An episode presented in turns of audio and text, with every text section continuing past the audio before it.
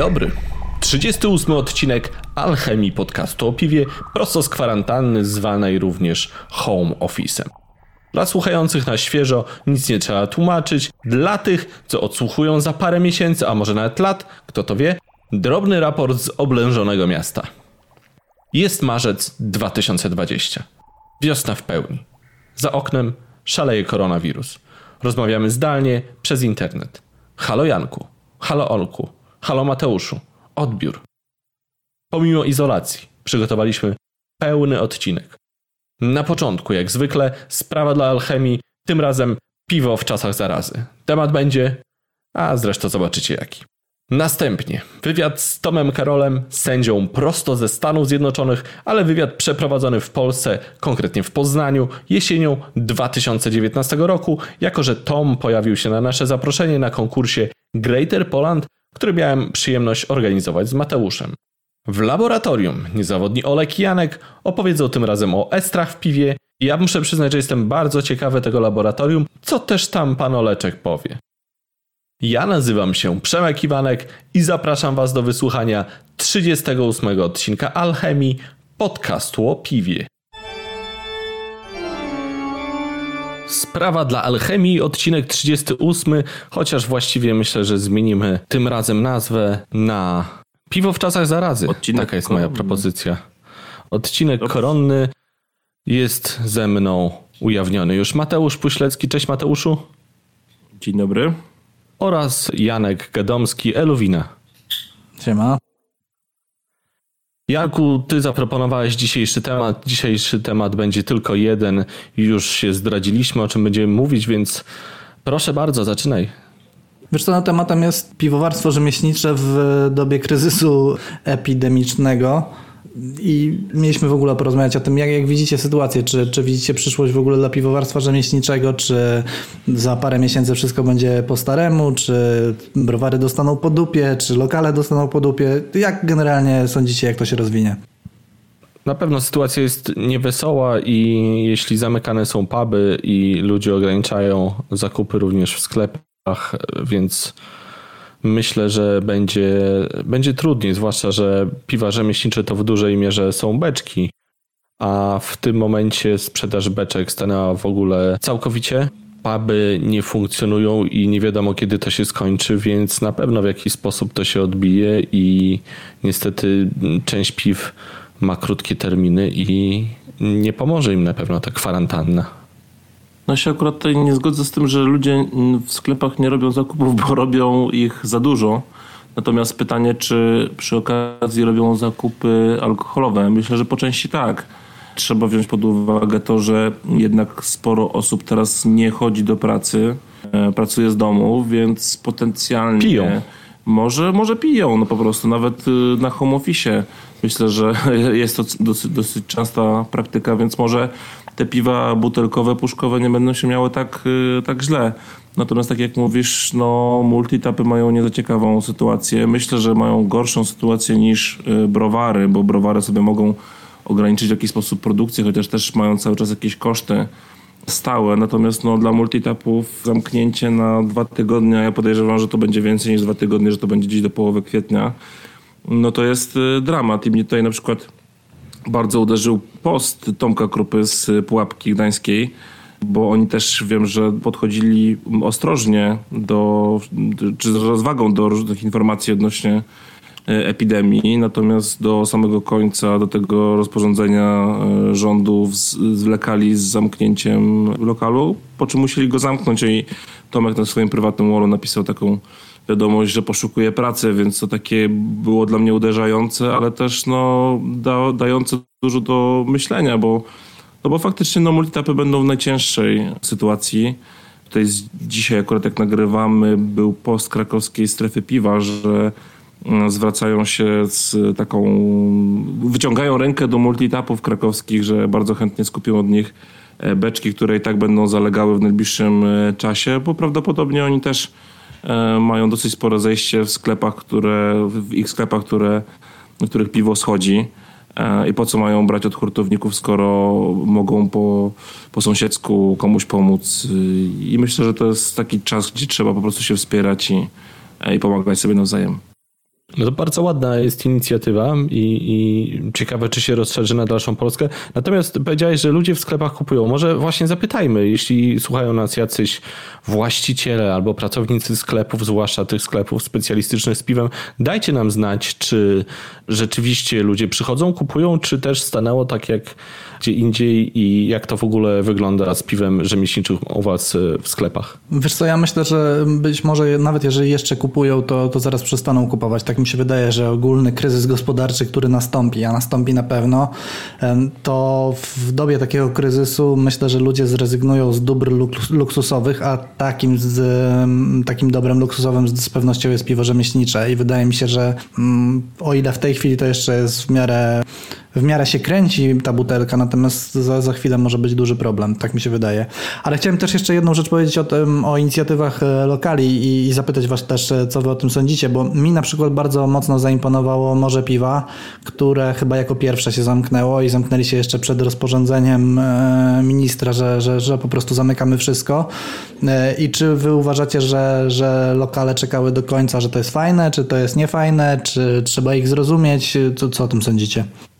Nie, no wiesz, to jest biznes. Ja bym chyba na ich miejscu tak samo do, do samego końca próbował w jakiś sposób funkcjonować. E, no to jest ciężka decyzja. Ja współczuję komukolwiek, kto prowadzi lokal, który musiał taką decyzję podejmować, czy wcześniej, czy później, w związku już z, z takim przymusem odgórnym. No nie chciałbym być w, w niczyjej skórze, współczuję takich, takiego momentu, kiedy trzeba podjąć taką decyzję. Znaczy ja nie chciałbym za, zabrzmieć e, źle, że, że potępiam takie, takie zachowanie, bo ja też jak najbardziej solidaryzuję się ze wszystkimi lokalami, które musiały się zamknąć, że, że generalnie bardzo ciężka decyzja i to nie jest tak, że ja to potępiam. Natomiast mówię, że może piwa mi by zaimponowało tym, że zrobili to jako pierwsi stwierdzili, że zdrowie ich klientów jest dużo ważniejsze niż ten biznes, który być może upadnie nawet jeżeli, jeżeli się zamknął. Myślę, że warto też byłoby się zastanowić nad samymi przyczynami. Dlaczego miesiąc przerwy albo dwa miesiące przerwy, bo to się może zdarzyć, a kto wie, czy nawet nie jeszcze więcej, chociaż miejmy nadzieję, że jednak nie. Dlaczego to może doprowadzić do tego, że pub się na przykład zamknie? Przyczyn jest kilka i e, jedną z pierwszych przyczyn to będą koszty stałe, czyli nie generuje się przychodu, ludzie nie przychodzą, nie płacą, natomiast koszty stałe są, czyli na przykład wynajem i oczywiście można próbować jakoś negocjować cenę wynajmu, ale jednak trzeba to zapłacić. A w Warszawie bywa, że mm, znam akurat ten rynek, więc tutaj mogę powiedzieć, bywa to na przykład kilkanaście tysięcy na miesiąc. Więc to są koszty potężne. Drugim problemem jest personel, z którym właściwie nie wiadomo co zrobić. Można powiedzieć, że oczywiście no, nie pracujemy, to wy też nie pracujecie, ale na miłość boską ci ludzie też muszą coś jeść. I jeśli chce się, żeby wrócili później do nas, a o dobrą obsługę niełatwo, trzeba im jakoś zapłacić. No i na pewno koszty stałe będą bardzo, bardzo trudne dla pubów. Druga sprawa jest taka, że w całym krafcie to jest to, wrócimy do tego, o czym mówił Tomasz Kopyra i ja się z nim w 100% zawsze zgadzałem. To znaczy, że na piwie zarabia się za mało. Jeśli za mało zostaje tego torciku, to trudno odłożyć coś na lepsze czasy i często te biznesy działają na styk i później może się okazać, że robi się bardzo cienko, jeśli, jeśli przychodzi taki trudny moment jak teraz. I to już mówię nie tylko o pubach, ale także o browarach, także o hurtowniach, które naprawdę mają bardzo duży problem i o tym się mało mówi, mało my mówimy ja bardzo chętnie bym porozmawiał z jakimś hurtownikiem, jeśli zechce, ale takim, który ma więcej niż jedną markę. Chętnie porozmawiam z jakimś hurtownikiem, jeśli zgodzi się na wywiad. Ja jestem otwarty. Wiesz, ja myślę, że w tej trudnej sytuacji przynajmniej część e, firm, które współpracują z multitapami, czy, czy nawet i, i browarami, no będzie podchodziła dosyć elastycznie. Liczę na to, no bo nie wyobrażam sobie innej sytuacji. Każdy oczywiście ma jakieś koszty, no ale z drugiej strony, jeżeli mm, właściciel lokalu nie zejdzie z ceny, nie odpuści jakiś, jakiś opłat, no to za chwilę mu się wykruszy klient, który od niego na stałe wynajmuje. Często Zawsze są banki, regularnie Mateuszu. płaci. No są, no, są też takie pogłoski, że będą jakieś umorzenia z ZUS-u, że e, być może będą jakieś preferencyjne kredyty po to, żeby obrotowe, żeby się utrzymać. Nie wiem, no na razie jest to wielka niewiadoma. My też sobie tutaj rozmawiamy po to, żeby rozkminić, jakie są, jakie będą możliwości, jakie są w tej chwili, co się stanie. Także no, jest na razie wielka niewiadoma, dużo spekulacji. No i tak jak mówisz, no niektóre biznesy są na styku, więc to przed niektórymi naprawdę bardzo ciężki okres, tak uważam. Ja jeszcze chciałem powiedzieć, jak, jak wygląda sytuacja browaru, bo akurat to mnie e, mocno dotyka i bezpośrednio. Chciałem zapytać o to, właśnie ciebie. Widzisz, wyprzedzam. Wiesz co, no ja jako, że jestem browarem, który ma tylko i wyłącznie beczkę, no to też e, no, u mnie biznes stoi właściwie. Mam, mam to szczęście, że e, pozbyłem się wszystkich beczek, znaczy pozbyłem... Mm, ja jestem w o tyle dobrej sytuacji, że udało mi się sprzedać wszystko, co wcześniej wyprodukowałem i właściwie jedyne beczki, które mi zostały, to te, które odłożyłem na e, warszawski festiwal, który został odwołany. E, ja też jestem stosunkowo... Przełożony. Przełożony, przepraszam. E, ja też jestem w dobrej sytuacji o tyle, że ja produkuję niedużo, więc też niedużo mi zostało. Natomiast ci, którzy produkują bardzo dużo, zostało im tego towaru dużo więcej, tak? E, natomiast no, no, nie jest wesoło, tak? Dlatego, że zbiorniki są w leasingu, ratę leasingową trzeba zapłacić i to jest koszt stały, o którym mówił Przemek, więc, więc to jest jakiś e, problem. E, inna sprawa, że zbiorniki pełne, co prawda jeszcze nie gotowe do rozlewu, ale za tydzień byłyby gotowe do rozlewu, więc nie da się tego rozdać i trzeba przeczekać, tak? Natomiast piwo w nieskończoność też w zbiorniku nie może czekać i ja przewiduję, że jeżeli sytuacja mm, przeciągnie się do czerwca, do końca czerwca, jeżeli lokale nie ruszą albo w ogóle biznes nie ruszy, bo to, że lokale ruszą nie znaczy, że będą kupować od razu piwo, tylko najpierw będą się, e, najpierw będą magazyny e, kończyć, a poza tym e, ludzie też nie od razu nie ruszą szturmem do, do lokali, bo też nie będą mieli pieniędzy, więc to, to nie jest tak takie proste, że jak e, kwarantanna minie, czy tam zakaz handlu minie, to od razu wszystko się otworzy i wróci do normy. Tak na pewno nie będzie. Więc, e, bo zacząłem myśleć, e, jeżeli do czerwca, to do końca czerwca to się nie skończy, to podejrzewam, że Browar Monsters przestanie istnieć, dlatego że no nie będzie mnie stać na to, żeby opłacić ten leasing i czekać na lepsze czasy po prostu. Najzwyczajniej w świecie będę musiał, będę musiał przestać płacić za leasing, co będzie znaczyło tyle, że zbiorniki przejmie bank. Jak zbiorniki przejmie bank, no to wszystko, co do tej pory zostało zapłacone, zapłacone za te zbiorniki pójdzie, e, pójdzie w piach. No tak, y, to jest sytuacja, gdzie każdy ma jakieś swoje plany. Y, ta sytuacja przyszła nagle. E, wiele z tych planów musiało zostać zweryfikowanych. My na przykład mieliśmy bardzo duży dylemat, jeżeli chodzi o y, walne PSPD, bo ono się powinno odbyć 21 marca, ale oczywiście żeśmy je przełożyli, no bo e, nie wyobrażamy sobie, że będziemy teraz zjeżdżali z całej Polski, nie wiadomo w jakim stanie. Mieliśmy duży dylemat pod tym względem, że oczywiście mieliśmy jakąś rezerwację w hotelu, więc to są też jakieś koszty. Są też koszty ludzi, którzy zarezerwowali sobie jakieś przyjazdy. No i to jest jakby takie, od, od, tego wychodzę, że każdy miał jakieś takie swoje plany na najbliższy czas, które no, zostały brutalnie zweryfikowane i i to jest naj, najsmutniejsze. Tak, tak jak Janek mówił, że w sumie nie wiadomo do kiedy to potrwa. Czy to potrwa mm, dwa tygodnie, miesiąc, no w skrajnych przypadkach dwa czy trzy miesiące to już w ogóle, no myślę, że będziemy w, jako społeczeństwo, czy może nawet społeczność międzynarodowa w no, opłakanym stanie gospodarczym. Myślę, że, że będzie wielu osobom bardzo ciężko. No ja mam nadzieję, że takie mm, złe opcje się nie spełnią i browar Monsters będzie istniał, tak jak pozostałe puby i browary. Janek poruszył jedną ciekawą rzecz, taką, że jeśli sytuacja się, ten korek się odetka i się odblokuje, nagle przyjdzie wielka fala, ponieważ wszyscy naraz będą chcieli sprzedać całe swoje zapasy piwa, plus do tego dojdą e, zapasy, które będą miały puby. Być może jest to prawdopodobne, że pubów ubędzie, więc nagle rynek nie, nie, nie będzie w stanie wchłonąć tej fali piwa, więc to nie jest tak, że to się nagle skompensuje wszystko. Po prostu trzeba liczyć, że miesiąc, dwa w obrotach rocznych są w plecy po prostu. Druga rzecz, którą poruszył z kolei Mateusz, czyli odwołane imprezy. Mówiłeś o walnym, ale festiwale również mają dość nieciekawą sytuację, ponieważ ruszył sezon festiwalowy. Ja szczęśliwie byłem w Łodzi, ale już później wszystko było zamknięte. I tak jak e, Janek wspomniał o Warszawskim Festiwalu Piwa, również Geek Madness i cała reszta licznych festiwali jest przesunięta na datę nie wiadomo jaką, również Silesia i tak dalej, i tak dalej. Tak w ogóle na Craft Magię można zajrzeć, jeśli ktoś chce e, wiedzieć, jakie imprezy zostały przełożone. Jak do tej pory wszystkie na marzec i kwiecień. I to też jest problem, ponieważ jeśli ktoś buduje biznes na organizacji festiwali, festiwalów, festiwali powiedzmy, no to na przykład musi z góry opłacić placowe, nazwijmy to. I może się okazać, że nie dostanie żadnego zwrotu, a impreza się nie odbędzie. Więc co będzie dalej z tą branżą festiwalową, zobaczymy, ale e, może tutaj też być dość, dość ciężko.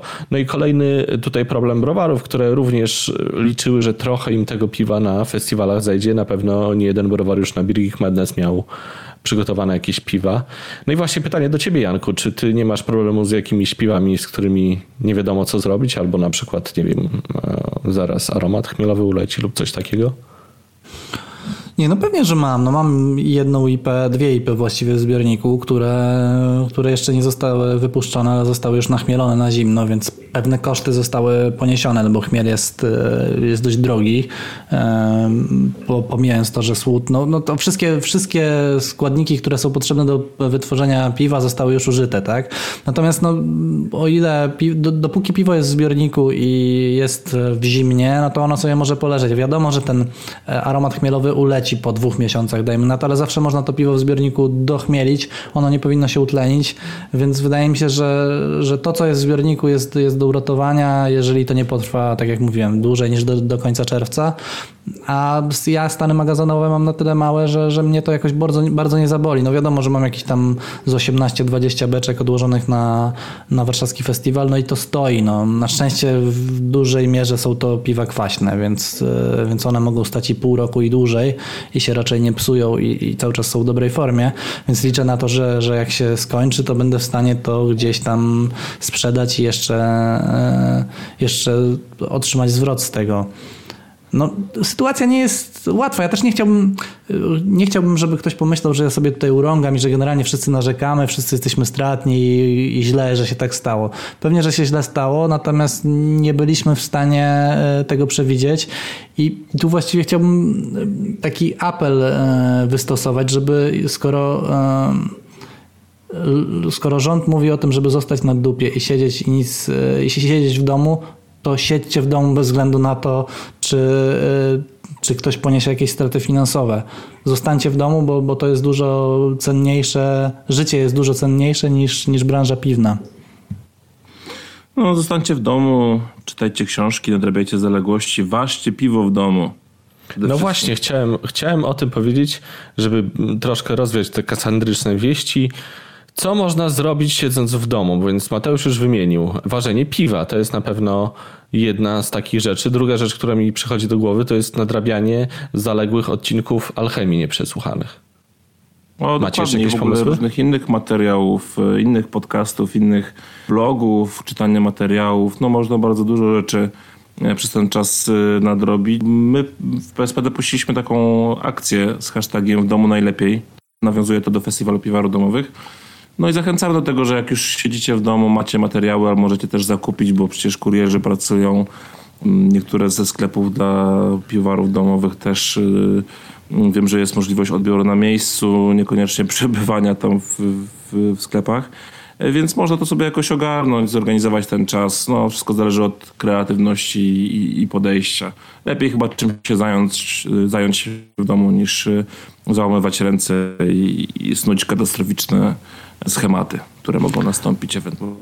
No ja ostatnio, w tym roku do, do, do momentu, kiedy został zarządzony home office i do momentu, kiedy browar stanął właściwie w, w produkcji, to uważyłem w domu jedną warkę na początku stycznia, a teraz już zdążyłem uważać dwie.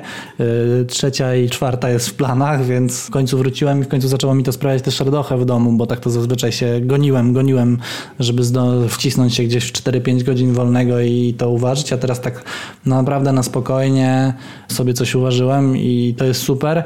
Ja też y, zajmuję się takimi rzeczami, które odłożyłem sobie już bardzo dawno na czas, kiedy kiedyś będzie czas, to się to dokończy. I, i teraz no i to jest super teraz e, właśnie kończę, kończę właściwie, no, no kończę, bo to projekt miałem mocno rozgrzebany, bo chcę wydać e, dziennik piwny, taki do, do, robienia zapisków. Kiedyś zrobiłem taki fajny szablon.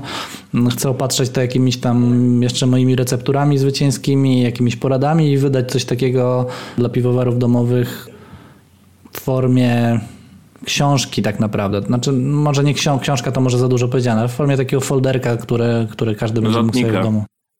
Notatnika, no można to tak nazwać. Można to tak nazwać. Super pomysł, bardzo mi się podoba, żeby zająć się właśnie tym, co się zawsze odwleka na, na tak zwane świętej nigdy, czyli wtedy, kiedy będziemy mieli czas, czyli nigdy, a właśnie ten moment nadszedł, więc polecam usiąść sobie na kanapie i pomyśleć, co można zrobić.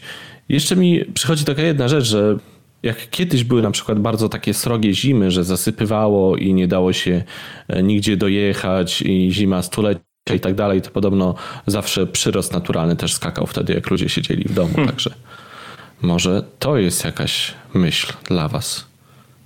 Trzymamy kciuki. A ty, ty już się Przemek tym zająłeś, tak? No nie będę ci zdradzał teraz, Janku, czym się zajmuję aktualnie.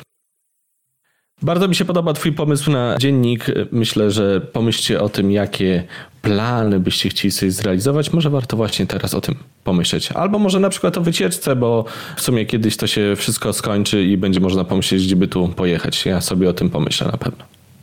Wiesz, no, też nie jesteśmy tak ograniczeni w tym momencie jak we Włoszech. Ja oczywiście nie zachęcam do podróżowania, przemieszczania się. Lepiej nie chodzi o ograniczenia psychiczne, e, nie. No tak, tak, tak. Y, natomiast y, no można oczywiście sobie pojechać gdzieś do lasu, nie jest to zabronione. E, wyjść y, z psem, pojechać na rowerze, no tak, żeby nie, nie chodzić w skupiska ludzkie i specjalnie, żeby nie mieć interakcji z innymi ludźmi. No cóż, zatem życzę ze swojej strony i ze strony, myślę, moich kolegów samych udanych warek. Niech wam się dobrze waży, niech wam się inne rzeczy udają odpoczynku w ten trudny czas i miejmy nadzieję, że następna alchemia już będzie bez piwa w czasie zarazy. Ja jeszcze sobie przypomniałem jedną rzecz, chciałem powiedzieć, bo jak mówiłeś o tym, żeby, że przyrost e, naturalny się zwiększa w Aż takich czasach. Przypomniałem sobie wpis Fabregasa, piłkarza, chyba teraz Monaco. Wpis Fabregasa na Twitterze, który napisał, że y, niestety jego żona nie chce już mieć więcej dzieci w tym momencie i że szuka e, w takim razie jakiegoś serialu, który miałby przynajmniej cztery sezony, bo nie ma co robić. To ja mogę polecić Fargo na przykład, które zacząłem sobie odgrzebywać od jakiegoś czasu, bo nigdy nie oglądałem. Polecam. Ja z takich nieoczywistych polecam Reya Donowana. Jest chyba z 5 czy 6 sezonów, jest naprawdę bardzo dobry serial. A ja właśnie pokończyłem seriale, które miałem napoczęte, a z różnych względów nie, nie dokończyłem na Netflixie. Polecam tak, żeby się dokształcić, e, jeżeli ktoś ma epidemię, to się nazywa chyba Epidemic na, na Netflixie. Mm, bardzo ciekawe podejście naukowe i dokumentalne. I na czasie. I na czasie, dokładnie. No dobrze, to dziękuję Wam bardzo. To było Piwo w czasie zarazy. Dziękuję Wam bardzo. Przemek Iwanek. Mateusz Pilecki. I Janek Gadomski. Na razie. No i bang! Nie ma już paczek z AliExpressu. Wasz ulubiony street foodowy burger 100% Black Angus na Facebooku zapewnia, że od teraz wszyscy u nich myją ręce. Smażą krową tylko w kombinezonach. A gość, co wam przywoził zimną bułkę na rowerze, wcale nie widuje się ze 148 osobami w siedmiu dzielnicach jednego dnia. Nie ma już festiwali piwnych no ale też nie ma festiwali fanów karcianych gier RPG czy coś tam. Wszystkie są odwołane lub zmieniły termin na eee, mordo, nie wiem. Wasz ulubiony multitap jest dziś zamknięty. I będzie tak jeszcze minimum dwa tygodnie. A realnie to zapewne miesiąc lub dłużej. A znając marżę na krawciku, to ten statek właśnie zaczął tonąć zostają wam lokalne sklepy specjalistyczne. Wróć. Ostatni w waszym powiecie zamknął się jeszcze przed tym niesamowitym boomem na puszki w polskim krafcie, bo robiliście zakupy w Super Samie, który wam wczoraj zamknęli. No to teraz trzeba się odezwać do tego brata szwagra, co miał z kolegą z technikum kalistenicznego browar domowy. Na forum nikt się z was już napijać nie będzie, bo wszyscy siedzą w sztumie. To, co uważacie, będzie i tak lepsze od tych zlewek skupowanych przez para browary od tu z polskiego kraftu za jedną czwartą cenę, a badylarz nie będzie wam wciskał ipki, którą hurtownik mu co prawda przywiózł samochodem, chłodnią, ale akurat ten karton jechał z przodu i zagotował się od wybasta. Śmiało. Wejdźcie na stronę sklepu dla piwowarów domowych, używając trybu incognito i kupcie zestaw. A jak już przyjdzie, to zróbcie tego pierwszego dry stouta i pamiętajcie, jakby się ktoś pytał, to ważycie piwo w domu, ponieważ tylko piwo jest bezpieczne do picia w czasach zarazy i takie tam.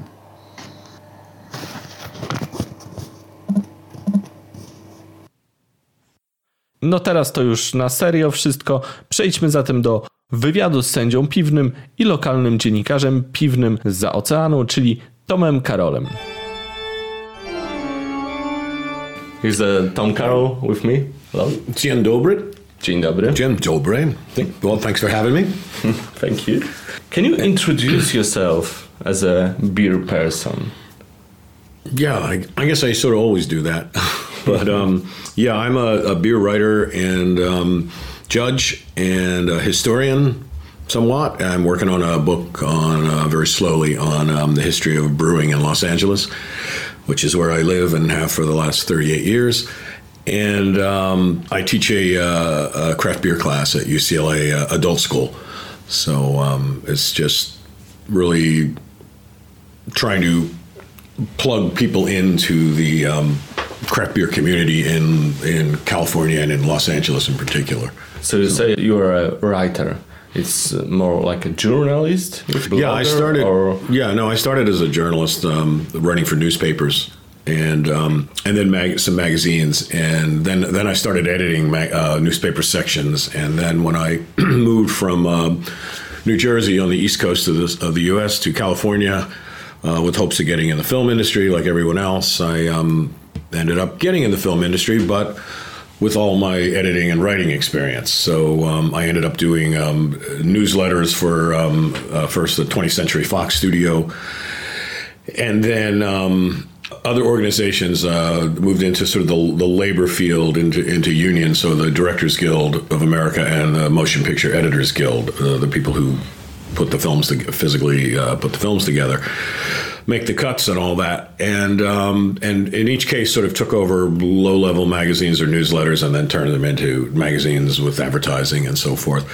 So. Um, that was my full time gig, and um, I always wrote about music on the side. I've been a big music fan, and uh, as I started to get up in up in years, and music started to get a little bit more repetitive, and every uh, you know every so many years there was just somebody else trying to sound like the Velvet Underground or somebody else trying to you know and uh, some some of the times they wore their uh, influence on their sleeves like Oasis and the beat you know copying the Beatles in, in so many uh, in so many ways. Um, and that it just started part of it started getting boring to me and the other part was um, they stopped paying to, for people to write about music because uh, because of the whole Napster downloading Oh, yeah. thing. And so the mu- music industry, the record, the record industry was just full of. Uh, they had so much money. I mean, they've they've created an enormous record collection for me because there were boxes of CDs and before that LPs on my doorstep, like four out of five times a, um, a week, because they were just promoting everything and. Um, but then you know they stopped sending that out. They then you know they they stopped signing big bands, and all the more interesting bands were coming out on independent labels, and they didn't have that kind of money. And when downloading came in, the whole that part of the music industry sort of fell apart. Um, at the same time, um, you know, I was just kind of getting bored with with that, and then at the same time, um, beer and craft beer in particular started to become a thing. That's I want to ask how the beer started. Yeah, well, I, like I always say, um, I became interested in beer when beer became interesting. Because um, I grew up in the um, in the uh, late '60s, early '70s, and the beer was just horrible. It was just all um, dumbed down lagers Um, you know, like there are just a few of the big ones today, uh, Bud Miller Coors, but there were, you know, 15, 20 of them, smaller ones, smaller regional breweries in uh, East Coast, and they were all just some, you know, adulterated version of what was what was the classic style of pilsner. You know, I thought that was it. Beer was that color. That's what beer tasted like. And then, you know, come St. Patrick's Day, a Guinness Stout would come to town, and that would be just wow. This is so amazing. This is So beer. Guinness was the first beer. Well, something the first beer that didn't look like what I thought beer was supposed to be. Um, and I always kind of liked uh, drinking um, beer mostly, um, less less horrible hangovers than wine, and, and spirits certainly. So. I, I kind of gravitated more towards English and Irish styles, and, and so I would hang out in English and Irish pubs in in, uh, in California and Los Angeles area, and um, became more interested in ales than lagers, and you know started following them a little bit and visiting the UK and drinking and so forth. But then as uh, craft beer started happening with Sierra Nevada launching in like 1981 in Northern California, and um, the Anchor Steam beer in San Francisco that was around bef- before that. There was, uh, you know, beer was starting to taste different, and you could taste hops, and things were dry hopped, and stuff that never happened since before uh, Prohibition in, in our country in the, throughout the 1920s up to 1933 and it started to that stuff started to get interesting me too but that was started that was growing slowly and um, i started doing more international travel and started going to other countries to drink the beer because you, we would buy them as imports but they're always fresher and more um, more of a variety of them too when, when you're actually in another country. You know that that was I was more interested in imports for the longest time, and then finally our nascent craft beer industry, which which just called microbreweries then, and they were like Adam Avery from uh, Avery Brewing in Boulder said once that the people back then people just brewed colors.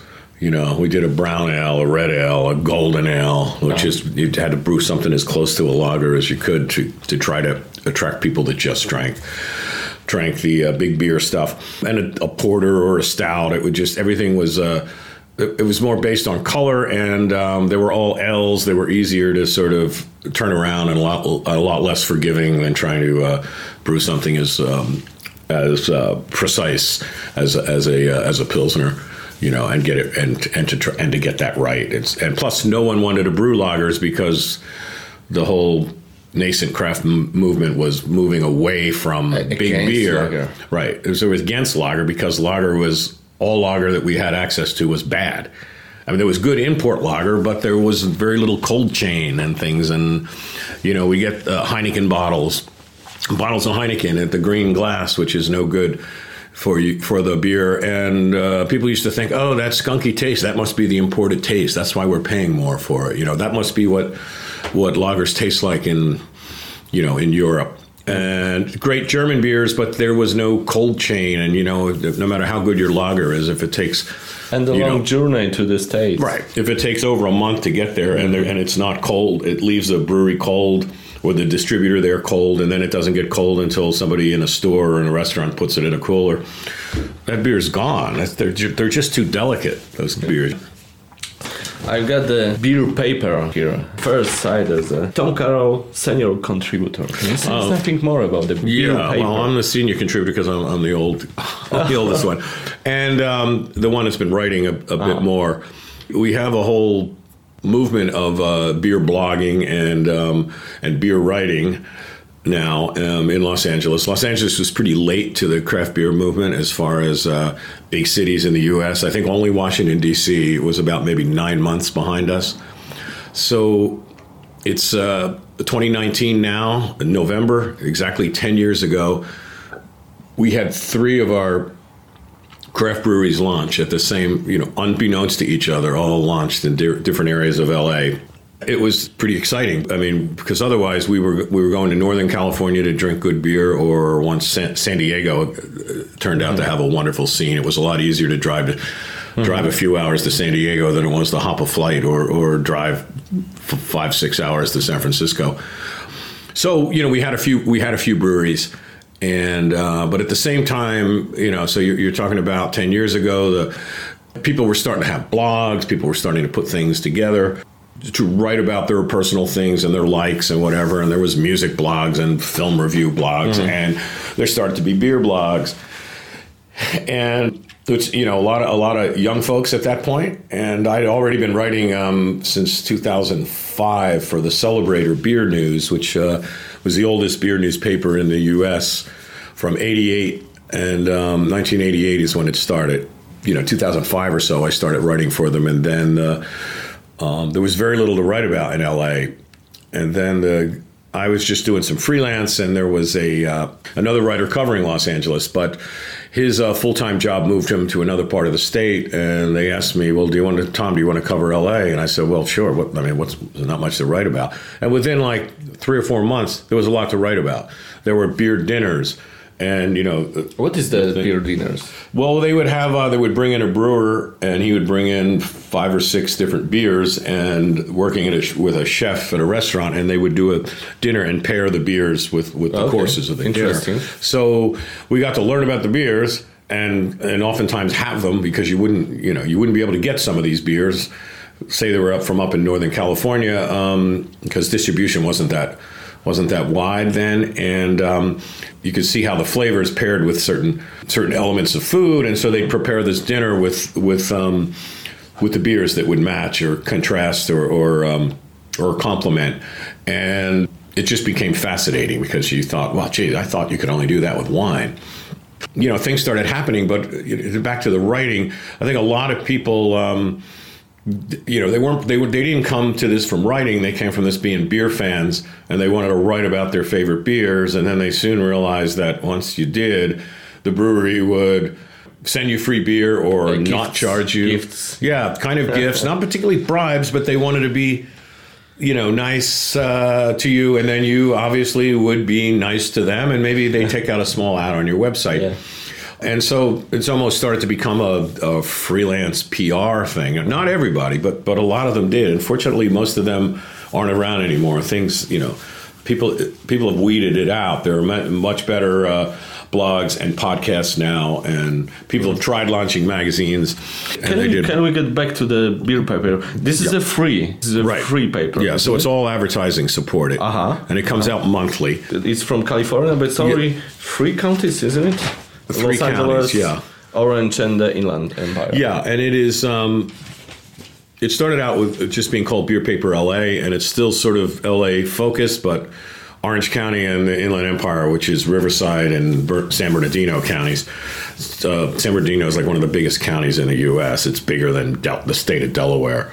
Uh, you know, the, the craft beer movement really spread throughout Southern California. So it's filled in. You know, it was up in San Francisco, and then it was in San Diego, and then it slowly started moving. So mm-hmm. LA was a big thing. So from LA to San Francisco, I mean LA to San Diego, it's nonstop breweries. Orange County is south of LA, uh-huh. and then there's San Diego. Riverside and and San Bernardino are east of Los Angeles towards the uh, Arizona border. And then the central coast between, like, say, Santa Barbara, which is mm-hmm. about 100 miles north of Los Angeles, up through um, uh, wine country, Central Coast wine country, and Paso Robles, where Firestone Walker is based, and then to like Monterey, the south south part of the uh, Bay Area, and then into San Francisco and north northern of that, Sonoma County, San Rafael. Um, Mendocino County, and where Rus- the Great Russian River Brewing is, is located up there uh, in Sonoma, and it is, uh, you know, I guess the, the tiny top part of uh, California is, is probably not as populated with uh, craft beer. There's still more than there used to be in Eureka and Arcata and some of the cities closer to the Oregon border. Basically, from you know north to San Francisco all the way down to the Mexican border, it's you know you can, you can take a month or so and drive and poke You your know way how down. many uh, breweries in this in this California? We have, belt? yeah, we have hit um, over 900 breweries now, 900. just in California, and there is what is close to 8,000 in the Did you U.S. drink beer in every one? Oh no, not at all. it would be a nice goal, but um, but uh, it's um, I've been to been to several of them, and um, you know a lot of them, a lot of the older ones cl- have closed, and the uh, the newer ones, um, you know, they're not all great. Everybody doesn't start great, and unfortunately, some of them never get great. But there are a lot of good ones, and there are a handful of really, really great ones. Everybody sort of helps and influences each other too, so nobody really wants nobody in the in the craft beer industry brewing wants anyone else to badly because the, the better more craft beer there are in your city or in your county, the better it is for everybody in the county, not only the consumers but the other the other And you brewers. said and you said it was started in the north of California, isn't it? Yeah, well, craft beer started in 1976 Mm-hmm. uh, when uh, Jack McAuliffe formed a um, a small brewery. Um, blanking on the name right now, so it's, it's too early in the morning. but it is. Um, he, he started brewing, and um, it became. It was a big influence. Uh, Ken and Steve Grossman from um, who were home brewers from uh, Woodland Hills, the San Fernando Valley area of Los Angeles, just north of the uh, main city. They launched uh, Sierra Nevada Brewing in um, I think 79, 80, and then I think 1981 is when their first beer was released, and uh, and their Sierra Nevada Pale Ale, which is still around today and is still considered quite you know a, a good beer, a big um, influence on everything else, but it was also influenced from Jack McAuliffe's Spears and, and a little bit from Anchor Steam Brewing, which um, was original San Francisco brewery that went back to 1896 and um, brewed uh, what was called a steam beer, which was a beer uh, basically by necessity because it was not People long- in, in, in Poland still thinking what what the steam beer is. What, what is this about? Yeah, it's weird. well. It was um, uh, gold was gold was uh, found in in California um, just in the in the final months of the Mexican American War, and um, in like the 1847, 1848, um, and. Um, the Americans won, and, and California was ceded from Mexic- Mexican uh, rule to um, become a territory of the U.S. And then, and then, of course, with the gold there, it only took two years for California to become a state. And then everybody rushed there, the, the gold rush, and most of the brewers in the um, in the country then were Germans, and you know Because they- the Germans love Right. The, the Germans, um, well, they had money when they came. The, there were loads of Irish too, but the Irish came because they were poor. I'm sure there were some Irish brewers too. There were some ale breweries, um, but the um, they wanted to brew uh, because lager um, lager was really taking taking over in 1842. The, the in Pilsen, the, the Pilsner was created, and it just blew everyone away, particularly um, the Germans or what would become the Germans. It was still the Austro-Hungarian Empire. So, but anyway, so the, the German immigrants um, are the ones that had the money, and a lot of them worked in breweries. So they rushed to San Francisco to make money, and um, they wanted to brew their beloved lager beer, but it was too warm to ferment lager beer. They had the yeast, and they refu- They just didn't want to do ales, so they tried to brew lager beer without refrigeration, cold temperatures, because other than bringing ice down from Lake Tahoe in San Francisco or down south, where LA had a much smaller brewing They industry that started in uh, 1850, the, Don't the have uh, ice caves. Big like Bear, they would bring um, they would bring ice down in the winter. But other than that, what could you do? You, you know, you couldn't. You, don't know, you couldn't cave. lager it, and you and you couldn't even ferment it at a right temperature. So they ferment it um, a with lager yeast. They ferment it an ale, and so if you've ever had Anchor Steam, it's kind of it's it has the qualities of both beers, but the the um, flavors are more of fruity and more rounded rather than the sort of sharp and crisp flavors of a lager. So it became this weird beer of necessity essentially. That's what they wanted to do and they called it steam beer. There's a number of reasons. Supposedly they um, uh, it they would they would um, cool it on um, in these in these open vats on top of the brewery in San Francisco, and uh, in the cold air and the you know the the winds and the breezes coming in off the ocean, and there'd be people would walk by and it would look like you know there was all the steam coming off the tops of the of the uh, buildings. That was one of the one of the theories. Uh, another is that the um, the like the amount of carbonation when they when they would tap it um, would be would be so much more than other beers because of the way it was brewed. Um, it would uh, also, um, you know, there was like a, a steam thing. So it's it's unclear why. Although there's a German style called Stumpf beer that I think is on where the Maybe close this- to the Czech. and but it's but it wasn't it was an ale though it wasn't a lager and I can't remember but it's it's something. It, it's something similar where they uh, maybe they didn't have the. It's not the part of Germany where they had caves that were um, cold enough to store beers, which is what the Germans did for years and years. Um, so anyway, that may be since the Germans did steam beer in the U.S. and and there was a Stumpf beer that already existed. They may have just taken the name from it. That part, I think, is hard still lost to lost to history at this point. But anyway, it's um, the steam beer is very interesting. So when um, Fritz Maytag, the owner of Anchor, in 19, I was in the sometime in the late 70s, I think. He decided he, he wanted to trademark the name Steam Beer. And Steam at that point was a style. So it'd be like someone trying to trademark IPA. Yeah. But so the trademark uh, folks take a look at it, and there was not another steam beer being, being made in the U.S. at that point because it was an ancient style. So they let him trademark it. So they have a Yeah. trademark So for Steam. so now technically you can't use steam as your beer as a style of beer without paying them something. so the name has been changed to California Common. oh, okay. So, when, so if you hear California Common, it's essentially a steam beer, and the way it's supposed to be made is like the way they did it. A lot. Um, fermenting and now you know, fermenting using lager maybe, maybe you should uh, come back to the stamp beer. Yeah. yeah. And stomp your feet. You know, it's um, it's it's crazy because it's um, uh, you know, the people don't want to use they can't use the word steam, so they use the California common and that makes it sound like it's an indigenous California beer and it's like, well, I guess it was California was the part of the country that it didn't get cold enough to make lagers even, even during the winter. So other than a week or two, and you can't build a beer industry around that.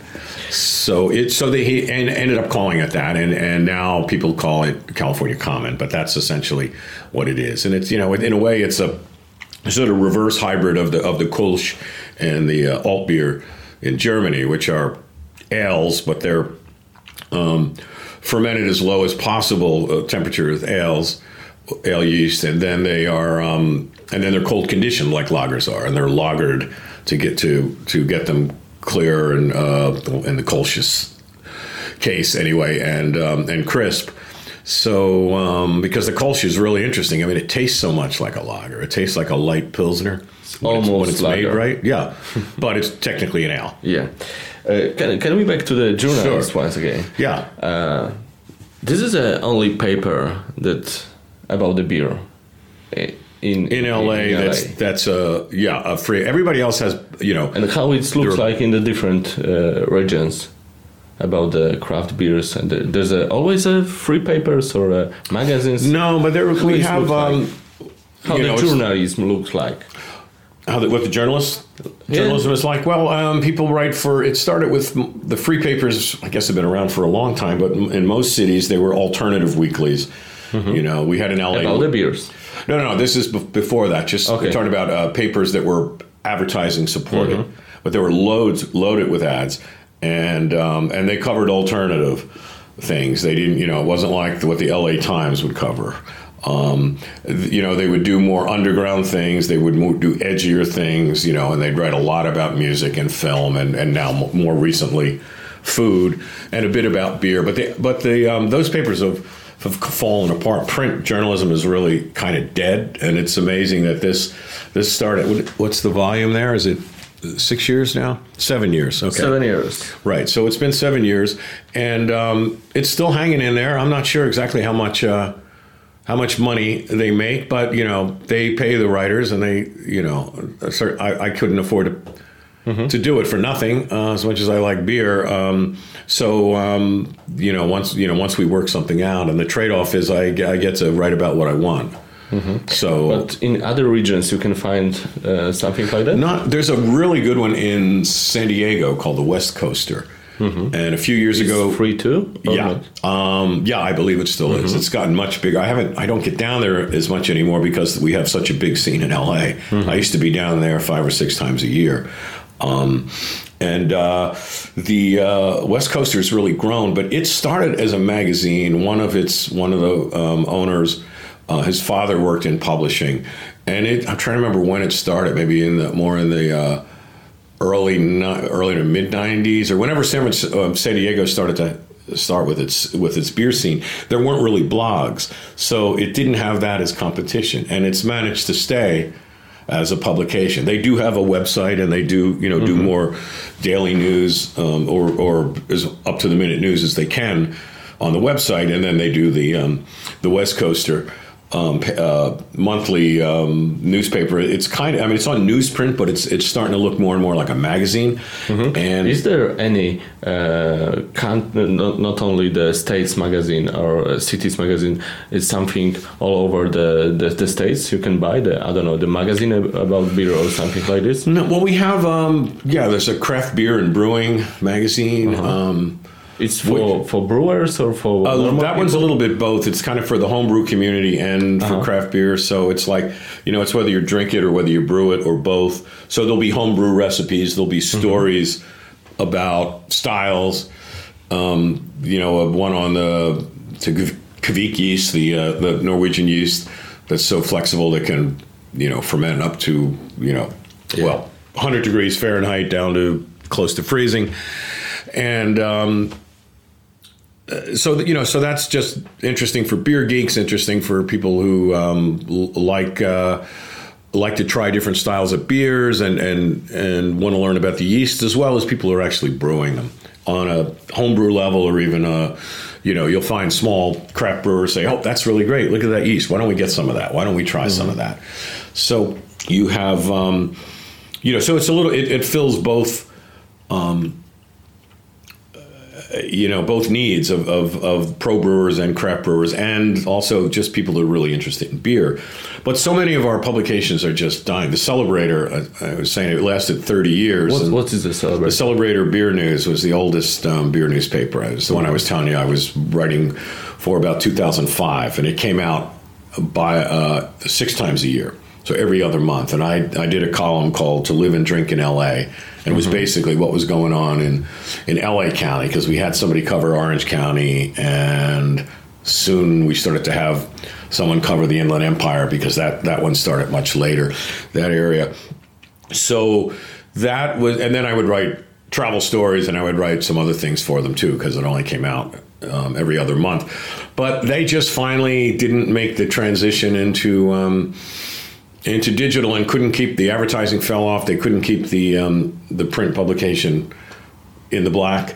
So um, now it's it's it's a website. It's it's kind of a, a shadow of itself though um, unfortunately. But uh, it's still, you know, there's st- there's still some uh, great old uh, information in there, and it really opens a lot of doors for those of us who uh, wrote for it. There's friends of mine, uh, beer writers in San Francisco, that were writing for the Celebrator too.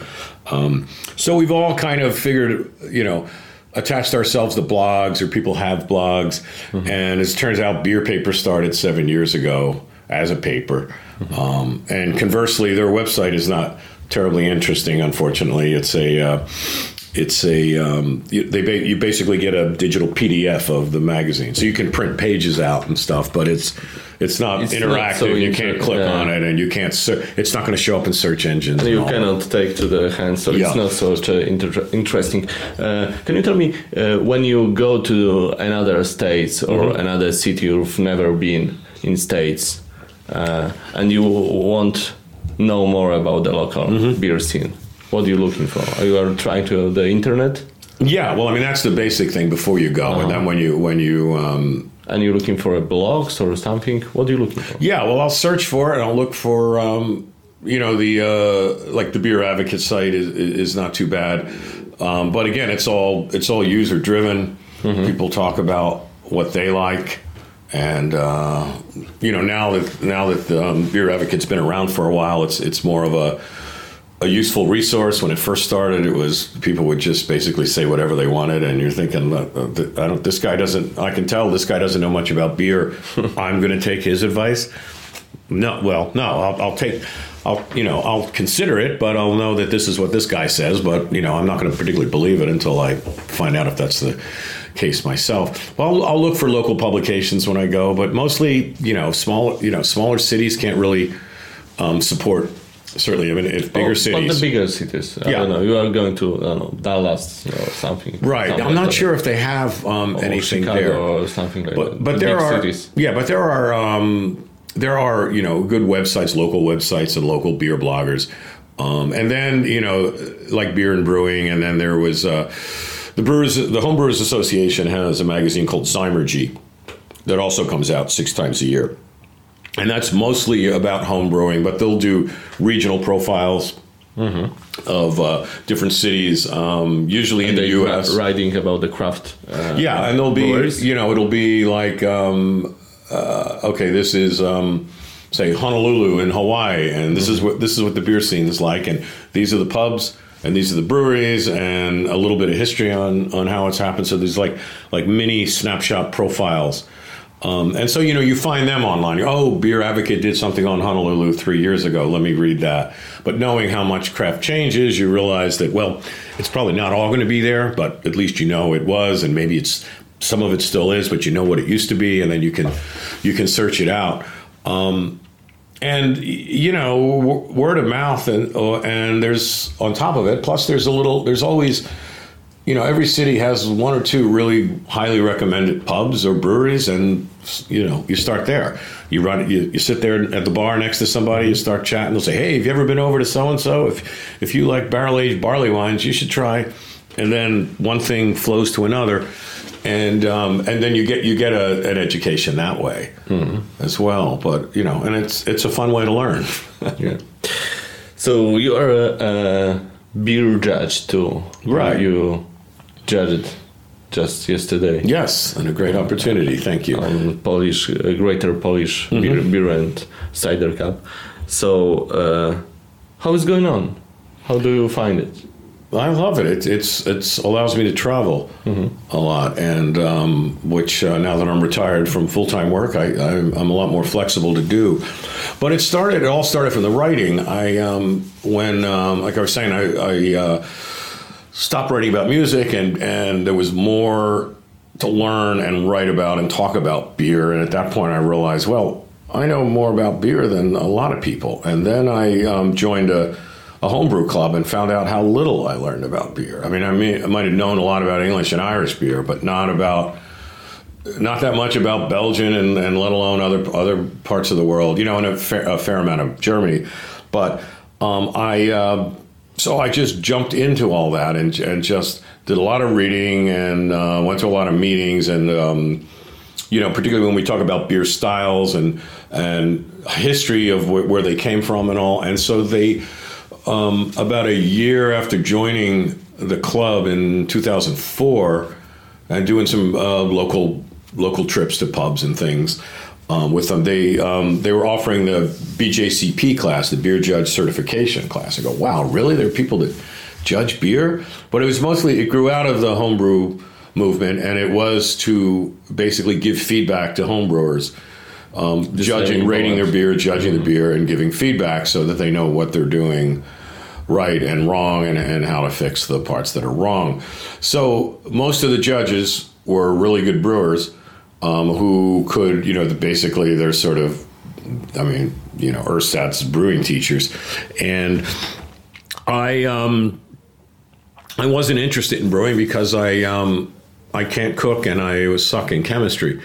Um, and I realized, well, that you know, I, I'm not interested in that that part. I was interested in it as a background for writing about it professionally, because again, I didn't come from blogs, and so you know, I'm, I'm used to in journalism, you're used to double and triple checking facts and and trying to get you know um, trying to get it as accurate as possible when it goes to print. Because if you make a mistake, it's not till the next issue they can run a correction, and, and who's going to read it, let alone remember what what the correction was for. It's not like you can just take it down immediately online and, and fix it like you can now. So um, I just wanted more and more info. And um, as we were going through the BJCP thing, it turned out I had a really good palate.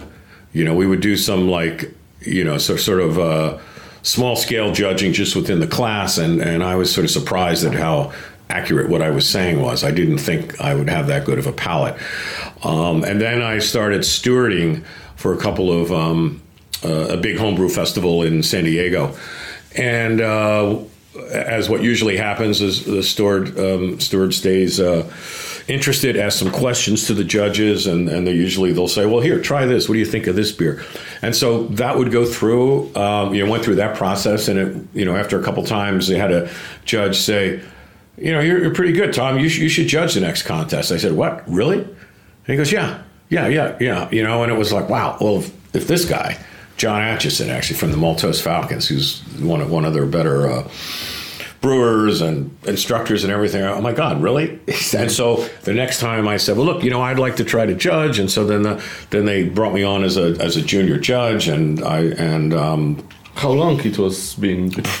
what maybe about a year and a half after that because i guess i was in the club for a year before they offered the class and then i took the class and then uh, you know maybe by the end of that year that's what i'm you know maybe about a year and a half after that i started doing that and it was all homebrew judging and um, i was just learning so much um, uh, you know how much learning how much i didn't know or learning how much i i know didn't know I, I didn't know enough about yeah.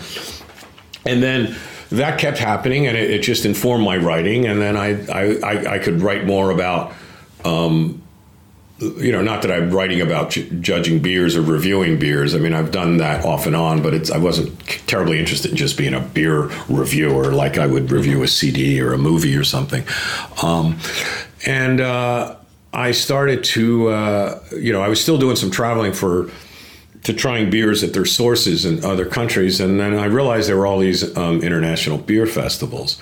And so I just started poking and saying, hey, I've judged this. Um, you know these homebrew festival homebrew contests and then the the LA County Fair and the San Diego County Fair would do commercial beers. And they would have um, uh, judges come in and you know mostly the BJCP homebrewer judges. And but then it, you're judging commercial beers blind and sometimes they pay you $50 and give you tickets to the fair or something like that. Because otherwise you don't you don't get paid for judging uh, for the most part.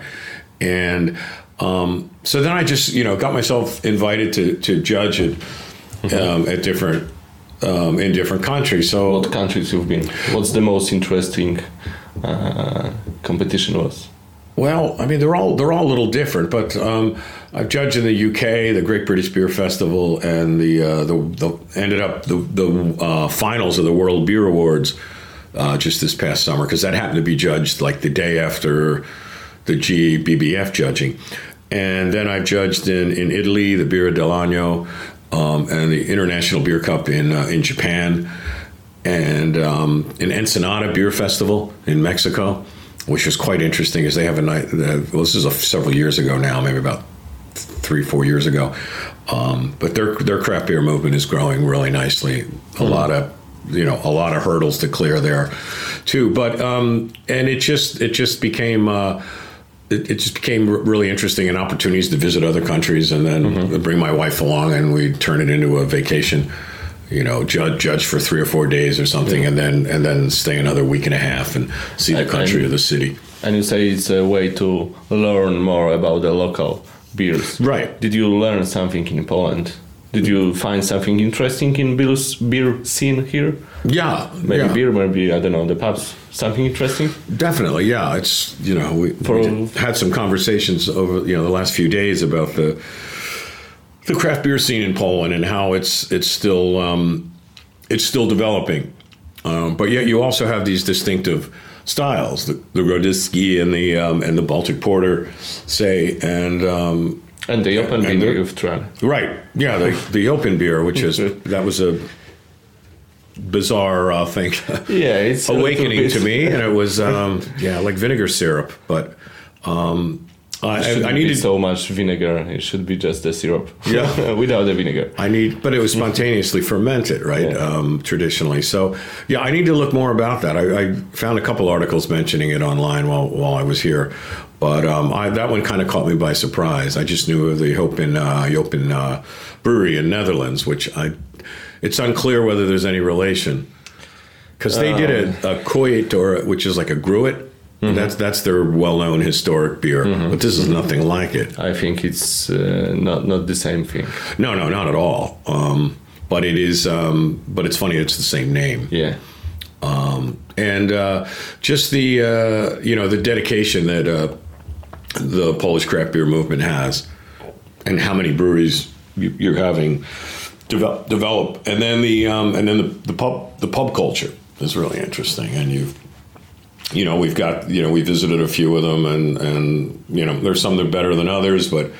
Um, they're full of beer geeks, and then you know on weekends, just the people that want to go out and drink and have fun, and they don't. They're not necessarily as interested in um, the style of beer or how well it's made.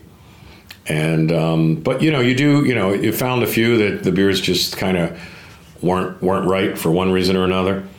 Um, but and you're in that sort of phase where people say, "Oh, it's craft beer. I'm going to buy it. I'm going to drink it." And um, oh, I guess that's what craft beer is supposed to taste like. And it's like, well, no, this this really isn't a this isn't a, a good representation of that style. And ideally, this shouldn't have made it on tap because it's not it's not helping the pub. It's not helping the brewer. It's not helping the consumer because the consumer is going to say, well, well, like I say, if it's an IPA and it's way off, it's going to, well, I thought IPAs were supposed to be really great. This is horrible. I'm not drinking. I don't like IPAs. They make up their mind on one bad beer, and or they don't like the pub and they don't go to the that Or pub anymore. beers. Or right, Yeah. or craft beers in general, Oh, yeah. or the or the brewery particularly. It's like, wait a minute, what was the style? Who was the brewery? Where did I drink it? And you know, it's, sometimes it's just easier for people to write something off uh, rather than to um, go out, you know, go out of their way to see if, uh, well, really, can it really be that bad? Or I've heard this was a good bar or a good brewery. I should try something else. Sometimes people just don't want to do that. They'll say, I'll try another, I'll try another style. I'll try another pub or another brewery. And so, so everybody suffers, you know, and I think it's, you know, which I think ties into education and what I realized, because what I also do is teach this class at UCLA. And I realized there was just this massive need for And you're education. teaching, uh, teaching the uh, people uh, the, the the bar stuff. You said Teaching the what? uh, the bar stuff. The bars, yeah. Well, people, I, I don't teach the bar. I- I've consulted and done that and worked Uh-huh. with um, Okay. with brewer. I've done a little consulting in the past. Not, nothing, um, nothing you say recently. about the uh, staff program? Oh, it's not yours, yeah. Uh, about the uh, staff teaching program. Yeah, yeah. I mean, there's the, the well, the Cicerone um, test that, uh, that I think uh, Paul was saying that it's a. Um, People do know about it here. It, it, it grew grew out of the Brewers Association. It's kind of a Cicerone is Latin for sort of beer sommelier. Yeah. and but it is uh, there's levels of tests, and the beer server test is just one you can take online, and that's the basic one. And most good craft beer bars will um, uh, make make their bar staff take that. Usually, they'll pay they'll pay the fee. I, I think it's something like forty dollars. So then they have uh, staff educated. Right. So, the so, when you ask them, what, do, what yeah. they're doing. when somebody says, "Well, what's the difference between this IPA and this Mm-hmm. double IPA?" or you know, why why would I want um, a, a unfiltered pilsner over a filtered, or, or you know? And Mm-hmm. so instead of the bar staff just looking at you like, "I have no idea. Just tell me what beer you want," you know, and because you you know you go you go through that all the time. I've I've had to step in sometimes and correct bartenders by saying, "I'm sorry, that recommendation you made is." It's not right.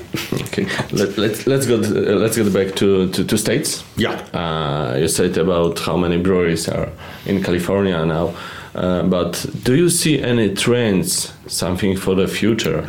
What's going on? What we will see in the future? The beer trends. Yeah, well, we're going through the the hazy IPAs and milkshake IPAs and the pastry stouts, Uh huh. and I, I th- those of us that weren't too impressed with it um, when it started a few years ago, I I think we're probably a little surprised that not only is it still going, but it's going strong. Um, that said, they're getting better too, and the ones I had here in Poland, I've liked. For the most part, I've liked the ones I've had.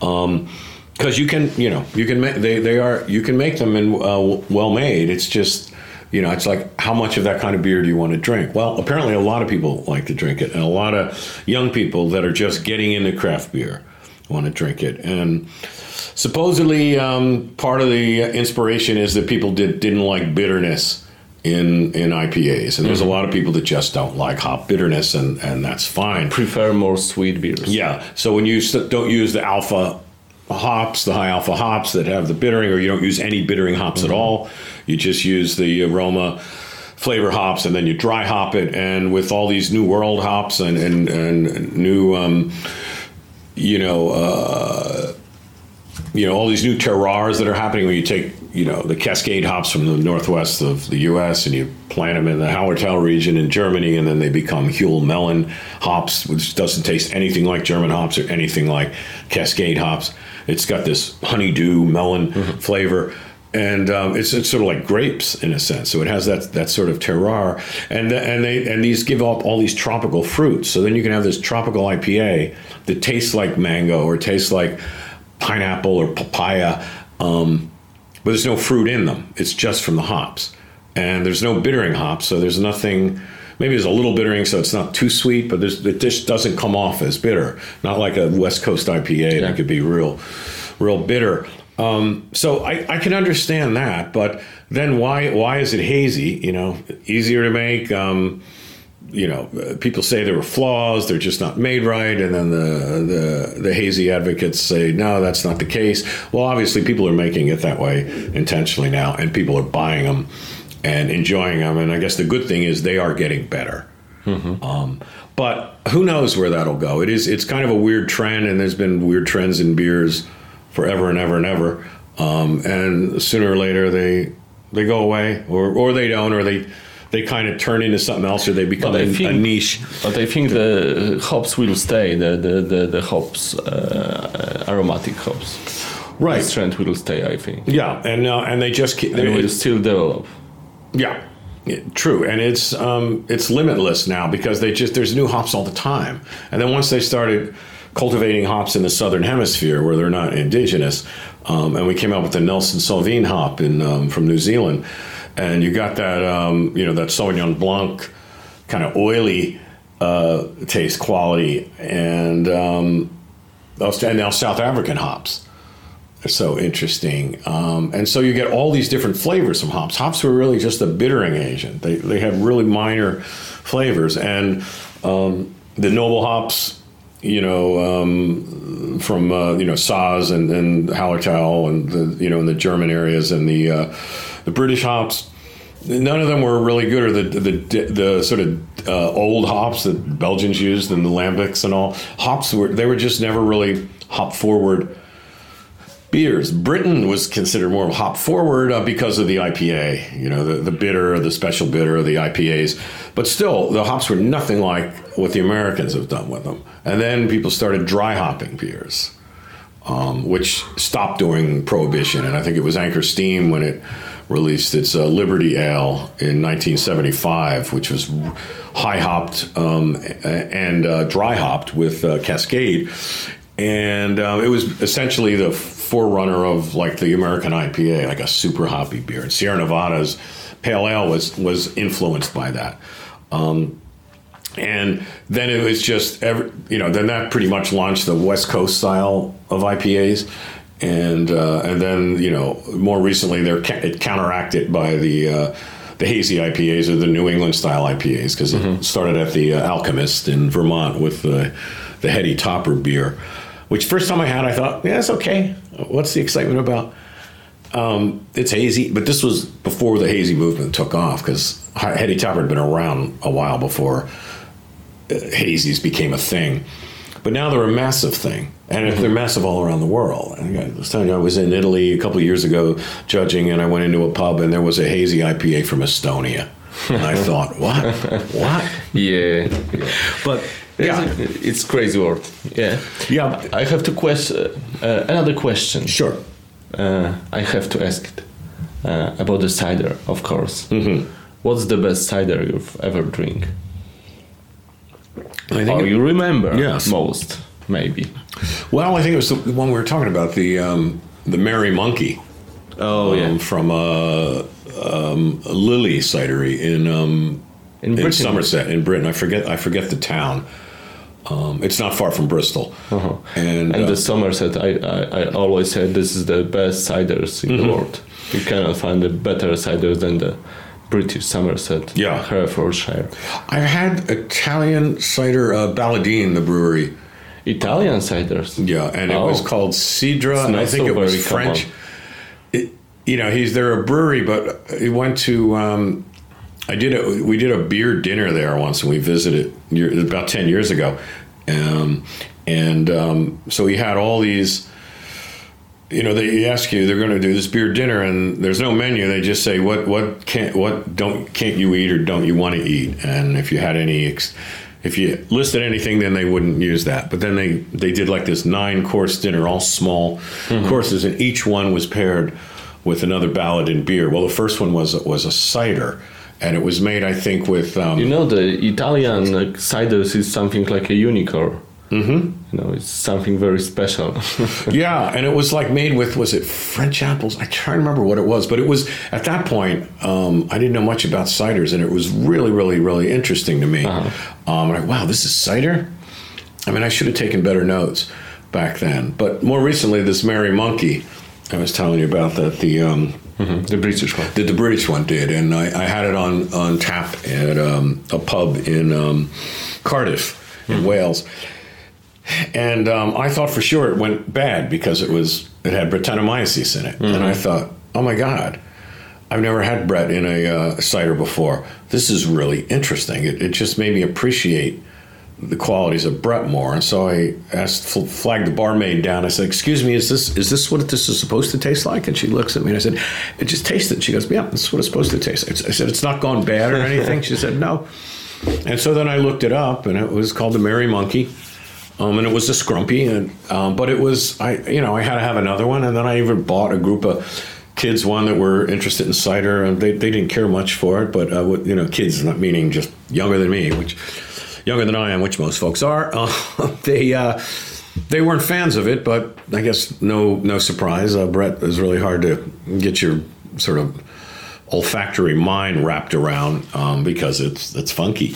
But I thought it worked amazing for that, and you know, and we and we had one of the the cider that kind of cider in the um, in the judging the other day. Yeah. In And the it was just- Poland yeah. competition. Yeah. Right. And it just, I, to me, it, it just sort of elevated. I mean, there's, you know, I- dry, I usually sort of like I, a I can, dry or I can say the word. It was the Smikan cider Uh-huh. house. Yeah. Okay. So it's it's from the uh, north of Poland. Mm-hmm. Smicken? From the south of Poland, sorry. It's called Smikan? Smykan, yeah. And it was a little bit wild. Mm-hmm. Yeah. Yeah, it was, um, yeah, I was really, really impressed. Uh, because, like most people, the first time I ever tasted Brett, I was ready to send the beer back. and it was a bottle of Orval. that I Yeah. bought. And I said, Oh, I'm getting into Belgian beers, and I've had some of the others. I've never had this Trappist beer. I had no idea about Brett or that that's what they did to it then. And when you, they put it in when they bottle it. And the interesting thing is the longer, um, the older it is, the more the Brett kicks in until it eats everything up. And then it, you know, if you sit on them for a long time, then it's something entirely different. But it was so funky, and I was about to take the bottle back. Um, and uh, but then you know years later I had it in Belgium at the monastery, and it's like a pale ale. You can taste the hops in it. They use American hops in it, and and the great thing about drinking it there is you can order an old you know an aged bottle. And then you and then you can have a, a new one and drink them side by side. They're different colors. They don't even look like the same beer, and they don't they don't taste that. I mean, you can- you can taste the You, you remember the brewery? well, it was Orval. Orval, Yeah, the oh, Orval, yeah, yeah, at the Orval. monastery. Yeah, you, you can um, you can taste that they're related, um, but they um, but I would never, you know, it, it didn't taste like it was the same beer. Um, it's interesting spinning off of that for a second with um, aged beers too. When I started to learn how beers age, it was at a beer and chocolate dinner in um, uh, San Francisco during. Uh, Beerapalooza, which moved into um, San Francisco Beer Week, is what it's called now. And um, for the uh, evening, uh, the last um, the last two pairings, uh, there was a you know the Chimay uh, Blue, the premier, and then a five year old Chimay Blue. And again, they didn't look at all the same. The color was different, but wow, that AIDS quality and the way that slowly oxidized and those um, those kind of sherry notes that came in, and it just it just became so much more complex. And it's a wonderful beer by itself. It's a great beer when it's fresh, as long as you don't serve it too cold. But it was just so, you know, it just moved into different dimensions when it was aged, and I thought, oh my god. So then I started looking into beers that age and how and why, and You can do it in, with uh, Baltic porters. yeah, Yeah, it's getting Yeah. sometimes in interested way. Right. Yeah. And, you know, there's a few rules of thumb. Uh, basically, dark beers age. The light-colored beers, do, you know, just do not age well. That you get all these off flavors. Um, it, it should be usually at least eight percent. Although I've had things aged that, that were seven, and they they're great. Um, the uh, the only um, two uh, caveats to that, or two two differences, is that a smoke beer is going to age wonderfully no matter how, even if it's five percent, and a goose or lambic, same thing. Sour beers will age really well no matter how strong because those those flavors offset the oxidation, um, so you don't taste that oxidation, and um, they mellow out really nicely. Um, the smoke beers, in a way, sort of don't seem to change too much at all. I've had like an Alaskan smoked porter, which is uh, they're smoked over alder wood, which is what the es- Eskimos use to um, to cook fish and things. So it's a different smoke taste than beechwood, like a rock beer, or, or um, oak wood, like a Grodziski. Um, so alder wood is um, what the Alaska smoke porter is, and I remember having, you know, a fresh one next to a five-year-old one, and you could tell. I mean, it was a little little bit of some oxidized notes. It was it was developing a little differently, but it just it wasn't anything. Uh, you know, there wasn't anything horrible about it. The smoke the smoke was still there. It like didn't really dissipate. Okay. Uh, so, Tom, we are going to the end of our interview. Thank you very much. Thank you. It was I a appreciate it. pleasant talk. Yes, thanks. Time for a beer. Yeah. Okay. Bye bye. Wywiad dobiegł końca. Pora zatem zajrzeć do laboratorium, do dwóch nic poni, Olka i Janka. Przejdźmy zatem do laboratorium.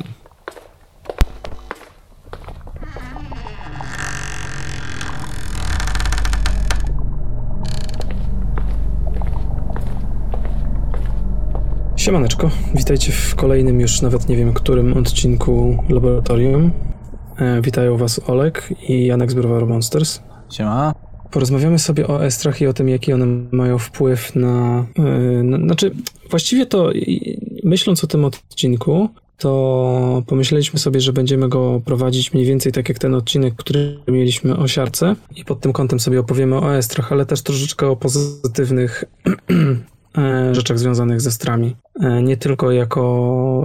e, Nie, nie będziemy go traktować, ich traktować tylko jako wadę, ale też jako pozytywny aspekt piwa i sobie po prostu opowiemy o różnych rzeczach związanych ze strami. No tak, bo estry to są przecież jedne ze składowych bukietu piwa, piwa i niekoniecznie są wadami. Właściwie każdy ester, który, o którym się mówi, że jest wadą w niskich stężeniach, e, buduje bukiet piwa i jest właściwie potrzebny, żeby piwo dobrze pachniało. Szczególnie jeżeli chodzi o górną fermentację. Ale tak na dobrą sprawę moglibyście się zapytać nas, po co wam ten odcinek, skoro możecie sobie wejść na przykład na Wi- Wikipedię i przeczytać to wszystko, o czym my dzisiaj powiemy. E, Więc e, ja wpadłem na taki pomysł, że przeczytam wam taki fragment e, z Wikipedii o estrach e, i jakby po, po tym fragmencie zdecydujecie, czy warto nas dalej posłuchać, czy, czy właściwie już wszystko wiecie i, i to jest niepotrzebne. Więc uwaga, cytuję Wikipedię.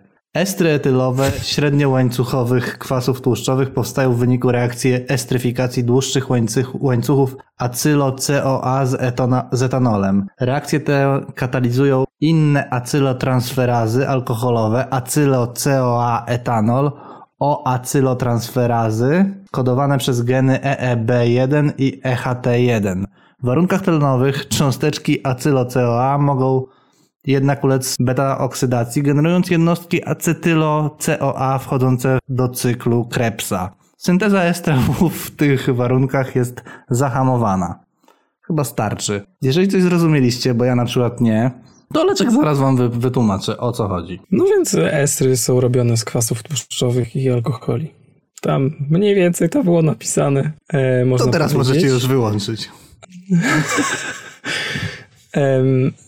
Ale tak już y, poważnie zupełnie, to e, tak jak powiedziałem, e, Janek przytoczył fragment e, jakiegoś wpisu, w którym opowiadają o robieniu estrów kwasów tłuszczowych z, z etanolem w jakimś tam, w roślinach, z tego co rozumiem. W, w, ka- w każdym razie w komórce, więc tam dużo różnych śmiesznych enzy- enzymów jest, które prowadzą tą reakcję, bo drożdże, które, którymi fermentujemy sobie piwko, mają taką moc sprawczą, że mogą produkować estry. Jak wszyscy pewnie, którzy ważą piwo wiedzą. E, No więc tak jak powiedziałem, estry to są związki chemiczne, które powstały poprzez reakcję alkoholu i kwasu jakiegoś organicznego najczęściej i one się charakteryzują takim e, fajnym czymś, że ładnie pachną zwykle, ale nie zawsze. I o tym sobie potem jeszcze opowiemy, o tym jakie są e, najpopularniejsze estry. I ja w którymś momencie, jak czytałem sobie o estrach, to natrafiłem na taki fragment mówiący o tym, dlaczego estry y, są produkowane przez drożdże. Dlaczego drożdże w cyklu swoim ewolucyjnym zaczęły produkować estry. No i okazuje się, że najprawdopodobniej, tak na chłopski rozum biorąc to, wynika to z faktu, że e, te estry przyciągają owady i te owady potem sobie siadają na takich namnożonych drożdżach i przenoszą je dalej w inne miejsce pożywienia, tym samym rozmnażając e, niejako te drożdże, w sensie przenosząc je na inne miejsce żerowania. Nie wiem, czy ty Janku może, może czytałeś o tym, trafiłeś na, na podobny fragment? Nie, akurat o tym nie, ale czytałem o paru innych rzeczach, więc mam nadzieję, ma- mam przygotowane ciekawostki na przykład, także O, myślę, że się o, super. uzupełnimy. Dobra, dobra. No i oczywiście, tak jak wspomniałem na samym początku, często estry są pożądane, ale mm, bywają takie sytuacje, w których estry są oczywiście niechciane przez nas i, i sobie teraz opowiemy może, jeżeli nie masz nic przeciwko, o tym, jakie są najważniejsze naszym zdaniem estry. Mamy ich w sumie siedem z tego, co widzę, z punktu widzenia piwowarstwa domowego. Tak, E, ale Właściwie jeszcze, piwowarstwa ogółem. Jeszcze warto No. powiedzieć, że, że tych estrów e, oprócz tych siedmiu, które, które my opiszemy, czy tam o, o których opowiemy, e, jest ich całe mnóstwo, nawet, nawet e, 100 czy tam ponad 100 tych estrów znajduje się w piwie, które w mniejszych stężeniach e, dodają piwu e, aromatu, a w większych stężeniach są albo nie do zniesienia, albo są traktowane jako wadę. Jak ze wszystkim właściwie w piwie, e, wszystko zależy od tego, jakie to jest natężenie i jak, jak bardzo to czuć, nie? Tak. No dobra, no to, to chyba przechodzimy po kolei, będziemy jechać z tymi najważniejszymi, które wytypowałeś, tak? Dobrze, no więc najczęściej oczywiście spotykanym jest, mam wrażenie, że najczęściej jest spotykany octan etylu. I ja tutaj napisałem, jak pisałem scenariusz, że to nie jest aceton, bo to jest coś, co mnie doprowadza do, do, doprowadza do białej gorączki, że moim zdaniem najprawdopodobniej przez to, że ludziom się e, ten zapach skojarzy ze zmywaczem do paznokci, to uznali, że e, drożdże produkują aceton. A aceton to jest kompletnie inny związek chemiczny i, i em, raczej nie jest on produkowany przez drożdże. Wiesz co, ja myślę, że to sensorycznie ludzie mówią o tym acetonie. Tak? Już nie, na pewno nie w takich, no, możliwe, no. Moim zdaniem, znaczy ja wąchałem niejednokrotnie aceton i octan etylu czyściutkie i one mają kompletnie inny aromat. Są, są do odróżnienia bez żadnego problemu, więc wydaje mi się, że e, powinno się zaprzestać używania tego określenia i zacząć mówić o octan etylu. Ewentualnie zmywasz do paznokci, żeby było prościej, ponieważ są zmywacze do paznokci na bazie acetonu i octanu etylu. Jedne i drugie. Dobrze, skoń, skończmy moje pieprzenie e, i zajmijmy się piwowarstwem domowym. O estrach będziemy opowiadać, e, mówiąc o deskryptorach, jakie e, definiują te estry, ogólnie o budowie chemicznej, ja sobie tam się pomądrzę i potem o aromatach towarzyszących wymienionym estrom, bo często to jest tak, że one występują w parze z czymś jeszcze dodatkowym. I w przypadku octanu etylu te, i ciekawostki, tak, to ciekawostki najlepsze e, na deser. E, więc ten octan etylu, tobie, tobie Janku, z czym się kojarzy, jak tak wąchasz sobie pifesio? No ja, ja bym powiedział zmywacz do paznokci albo rozpuszczalnik po prostu. Okej. No dla mnie to jest, y, ja, ja wiem jak octan etylu sam w sobie pachnie i ja po prostu mówię octan etylu, ale zmywacz do paznokci myślę, że tutaj jest takim najbliższym mm, odpowiednikiem, tak? Bo, bo, bo, te zmywacze do paznokci na bazie octanu etylu zwykle to jest prawie czysty octan etylu. Wiesz co, y, jeżeli chodzi o sensorykę i o deskryptory, to no. jest po prostu to, żeby mm, jak podajesz deskryptor na metryczce, czy nawet jak mówisz komuś o, o, o jakimś aromacie, który czujesz, to najważniejsze jest to, żeby on zrozumiał, co to jest, tak? No bo mm, tak e, na przykład docent ma taki, e, ma, ma taką manierę, jak mówi o wędzonkach, to mówi, że to jest wędzonka bukowa. Ale skąd na litość boską ktoś ma wiedzieć, jak pachnie mhm. wędzonka e, bukowa. To jest taki dość kiepski, znaczy to nie jest deskryptor właściwie, to jest jakiś, on wie jak to pachnie, ale nikt inny nie, nie Znaczy jest nieprecyzyjny, tak? Mhm. Otóż to, jest nieprecyzyjny. Więc tak samo jest z tym e, rozpuszczalnikiem, czy jak z tym e, zmywaczem do paznokci. To jest, zmywacz do paznokci to jest całkiem niezły deskryptor, bo większość ludzi wie jak pachnie zmywacz do paznokci, więc jakby do, do mnie takie rzeczy trafiają. No dobra. No więc zmywasz do paznokci jakieś tam coś okolice rozpuszczalnika, nie? No i teraz aromaty towarzyszące e, temu e, octanowi etylu. I ja pisząc to mm, założyłem, że, znaczy pomyślałem sobie, że najczęściej temu aromatowi towarzyszy mm, aldehyd octowy. E, brzmi to sensownie. Nie wiem, czy się zgodzisz.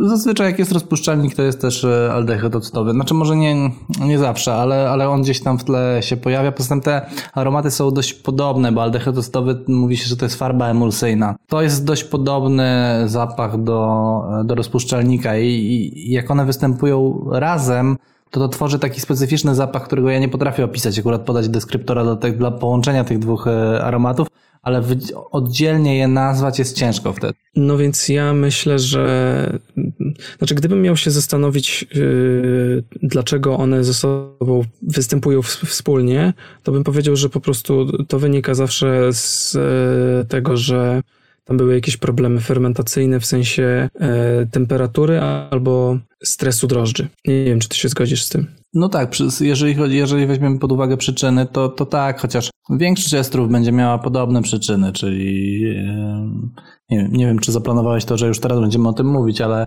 mm, no zawsze powstawanie większości estrów będzie miało tą samą przyczynę, czyli zbyt mało drożdży albo za dużo drożdży, e, temperatura fermentacji zbyt wysoka albo zbyt niska, drożdże w kiepskiej jakości e, dodane albo mm, kiepskie natlenienie brzeczki. Te wszystkie przyczyny będą mniej więcej te same, więc nie wiem, czy akurat można tym wytłumaczyć y, pojawianie się tych akurat dwóch y, związków jednocześnie. Nie jestem tego pewien. No okej, okay, ale tutaj jak patrzę na tą naszą listę, to te pozostałe yy, raczej będą w, w, większości przypadków pożądane. I na przykład, yy, znaczy, to inaczej powiem. Gdybym miał aldehyd w jakimś piwie, to pierwszego estro, jakiego bym się spodziewał, to byłby ocen, octan etylu. Dobra, zgoda. e, Okej, okay, czy możemy zatem przejść do kolejnego? No dawaj, dawaj, lecimy. Dobra, więc kolejny to jest e, czerwone jabłko mm, i to był właśnie deskryptor, e, czyli heksanian etylu.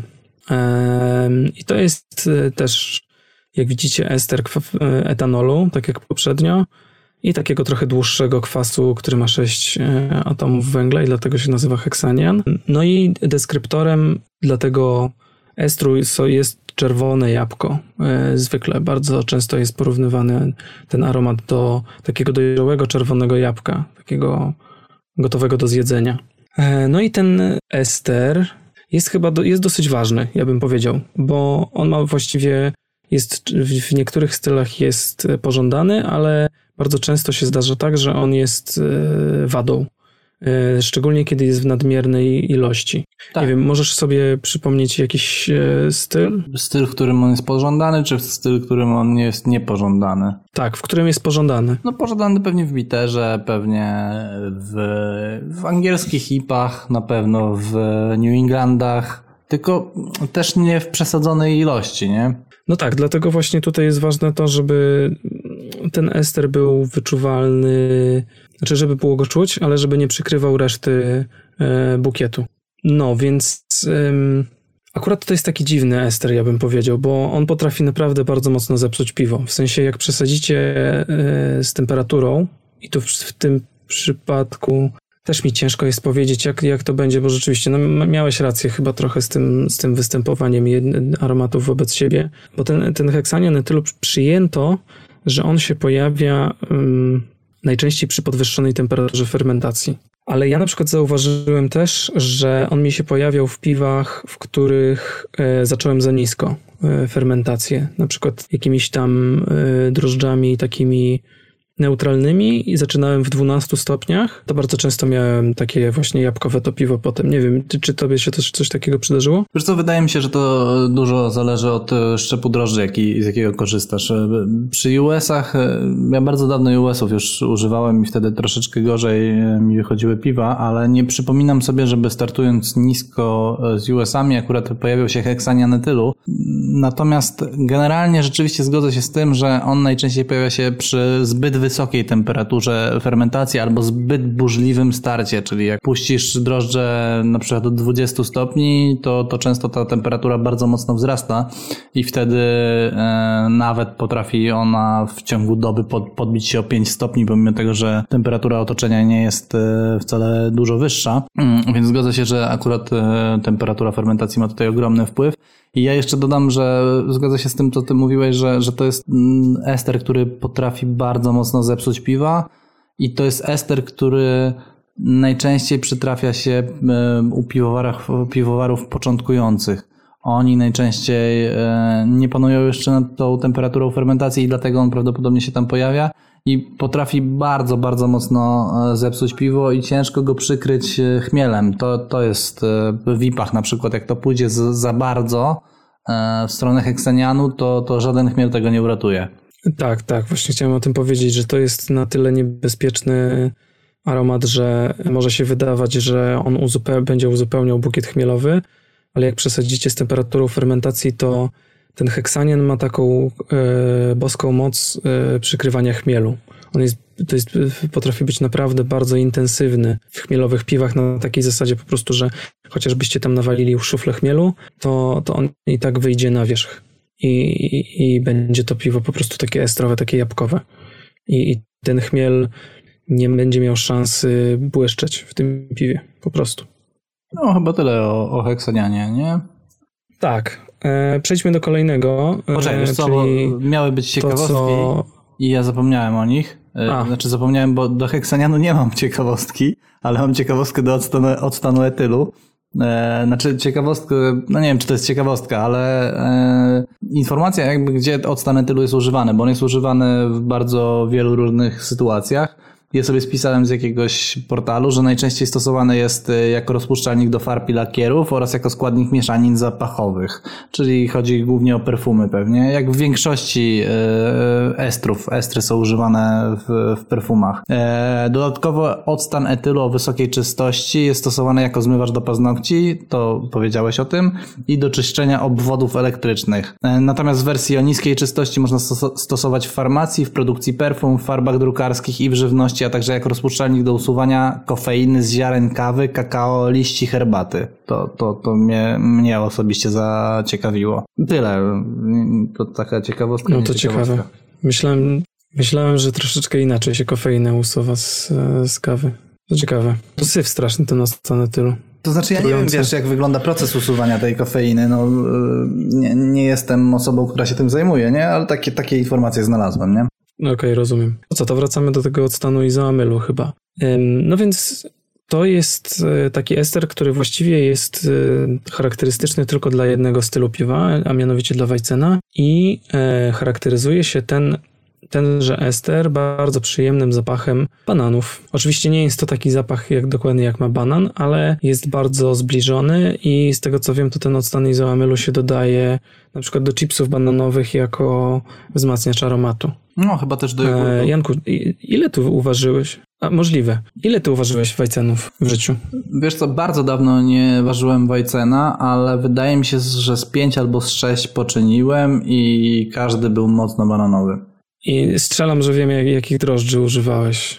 Nie, nie, nie, nie, nie trafisz, dlatego że używałem bardzo różnych. Używałem. E, w ogóle pierwszym moim piwem na e, płynnych drożdżach był właśnie Weizen. To były drożdże, które dostałem od. E, od Staśka i pamiętam, że wtedy to piwo zrobiło na mnie ogromne wrażenie, w sensie zauważyłem różnicę w samym prowadzeniu fermentacji i w, w efektach tego Wajcena, bo wcześniej na WB 06 je robiłem i zauważyłem, że to piwo po prostu wyszło o niebo lepiej niż, niż to na sucharach. I w ten sposób zresztą, zresztą przekonałem się do, do drożdży płynnych. Natomiast robiłem też jeszcze na szczepie E, fermentum mobile oczywiście i robiłem też na suchym szczepie Mauri Brew, ale nie pamiętam jaki jest symbol i one podobno miały dawać najwięcej, e, najwięcej banana, natomiast z kolei to był szczep drożdży, to był chyba ostatni raz, kiedy użyłem suchych drożdży, bo po prostu to piwo wyszło tak masakrycznie kiepsko i ono miało jakieś takie właśnie jakieś aldehydowe problemy i, i masę innych różnych e, problemów, więc wtedy stwierdziłem, że w ogóle suche drożdże to, to straszne zło. E, no dobra, a masz jakieś rady, e, jak, jak, no bo ten, jednak ten banan to zawsze ludzie chcą, żeby go było, no tak srogo w, tym, w tych wajcenach. To czy masz jakieś rady, jak poprowadzić fermentację, żeby go było y, dużo? No wiesz co, ja zawsze te wajceny, moje wajceny wszystkie były mocno bananowe, więc ja, ja zaczynałem w 18 stopniach i później bardzo szybko puszczałem je, je wysoko Ile w tej chwili to nie pamiętam, ale w tej chwili, gdybym miał je fermentować, to bym zrobił tak zwany free rice, czyli po prostu puścił je samopas tyle, ile. Mhm. Po, po dwóch dobach bym je puścił samopas tyle, ile dociągnął, tyle dociągnął. No i ja, ja się chyba z tym zgodzę. W sensie ja kiedyś czytałem e, z Jamila Zajna szefa, który twierdzi, że żeby super Weizenę osiągnąć, czyli takiego, który będzie miał e, bardzo dobry ba balans pomiędzy goździkiem i bananem, e, to trzeba w 17 stopniach prowadzić fermentację. E, ja robiłem, e, jak robiłem Weizenę, to chyba właśnie zrobiłem po dwóch dniach free rice, a startując wcześniej z 18. I, i rzeczywiście e, był bananowy ten, ten Weizen, tylko, znaczy był bananowy, jak go przelewałem na brety, E, na cicho. E, no, a poza tym nigdy, nigdy Wajcona nie ważyłem, e, tak? Ale wydaje mi się, że ogólnie z tym bananem to nie jest wcale tak ciężko, jakby się wydawało. Trzeba tylko dobre, płynne drożdże e, używać i, i wtedy tego banana powinno być bardzo dużo w, w piwie. To jest, wydaje mi się, że w miarę łatwy do uzyskania aromat jak się używa drożdży wajcenowych. Nie wiem, czy ty się zgodzisz z tym. Jeżeli ktoś chce zrobić wajcena bananowego, to ja uważam, że to jest prosta rzecz.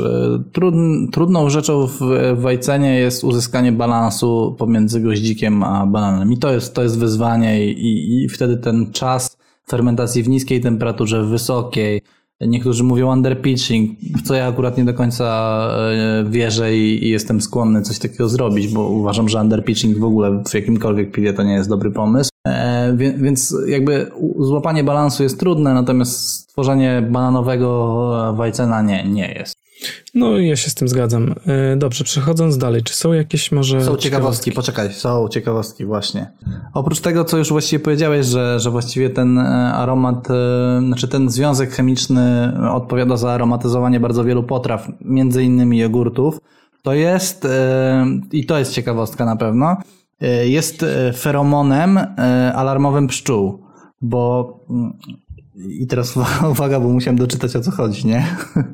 Generalnie pszczoły i, i duża część owadów komunikują się przez wydzielanie właśnie różnych związków chemicznych, przez skórę to może nie, ale przez, przez jakby wydzielając z siebie i w zależności od tego, jaki to jest, jak, jak bardzo intensywna jest ta wydzielina, to całe, cała reszta stada wie jakby o, o co chodzi, nie? A więc to jest dość, do, dość ciekawe, że akurat właśnie odstan e, izoamylu jest jednym z alarmowych e, tych feromonów, czyli jedną z tych wydzielin, która, która powoduje, że e, pszczoły między sobą się komunikują. Pewnie ludzie, którzy robią e, miód e, pitny albo albo zajmują się generalnie pszczołami, będą wiedzieć więcej na ten temat. Ja tam sobie tylko liznąłem ten temat, ale to, to wydało mi się ciekawe. No rzeczywiście. Bardzo ciekawe. E, żeby nie było to serio, mówię. Powiedziałeś tak, właśnie bardzo, bardzo dużym Dobrze. entuzjazmem.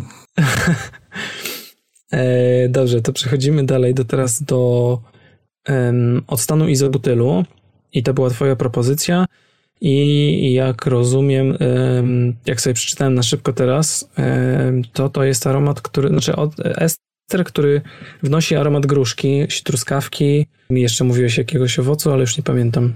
Wiesz co, to może ciekawostka na, na, na samym początku, bo to jest też z którejś albo strony Wikipedii, Dobra. albo z jakiegoś innego e, z jakiegoś innego portalu.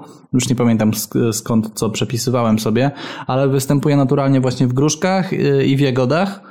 E, I to, co jest to, co jest tą ciekawostką, to teraz będzie, że w wysokich stężeniach posiada bardzo nieprzyjemny zapach, taki duszący wręcz i może powodować omdlenia, nudności oraz ból głowy. Ale generalnie to, to jest y, y, bardzo ciężki do, y, do określenia ester, bo on pachnie w różny sposób, znaczy różnie jest interpretowany. Właśnie część interpretuje go jako truskawkę, czy część interpretuje go jako gruszkę, mi się wydaje, że on, oczywiście nie wiem, bo ja nie, nie, nie wąchałem konkretnie tego, e, tego związku, natomiast mi się wydaje, że jak mówimy często o jakichś gruszkowych aromatach, to to będzie pewnie, e, to będzie, będzie pewnie właśnie ten, ten związek.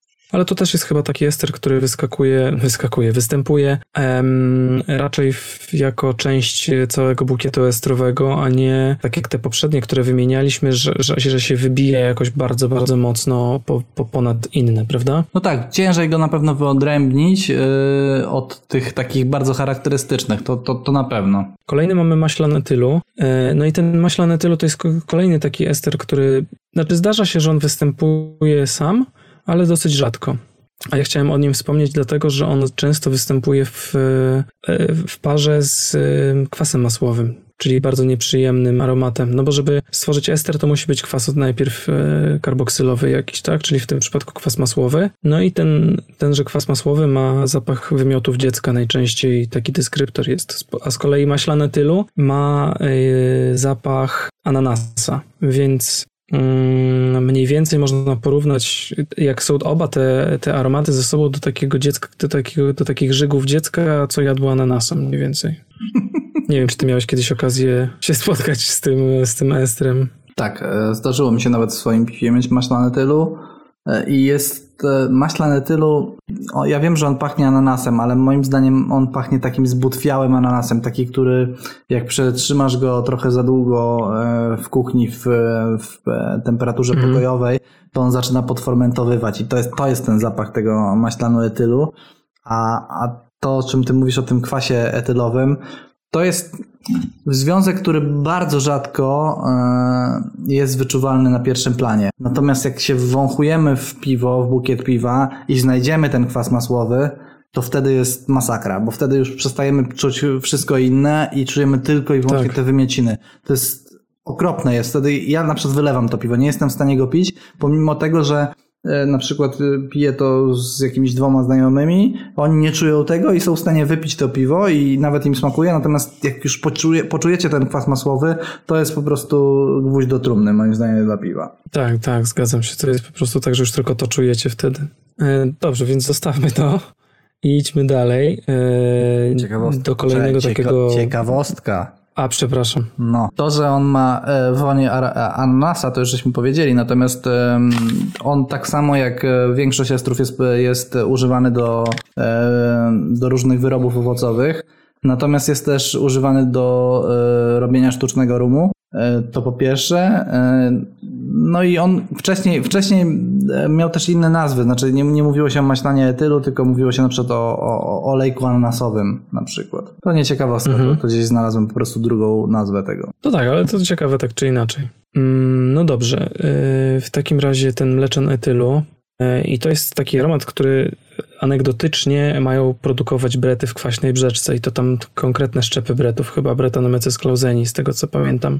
E, ale tutaj chciałem o tym wspomnieć, bo ja uwielbiam brety i, i ten mleczan etylu to już w definicji ma mieć aromat właśnie takiego super e, e, świeżego ananasa. Ma być bardzo, bardzo przyjemny, no ale przez to, że to jest ester kwasu mlekowego, to on może powstawać tylko i wyłącznie w kwaśnej brzeczce i to, i to jest tutaj kluczowe akurat dla tego estru.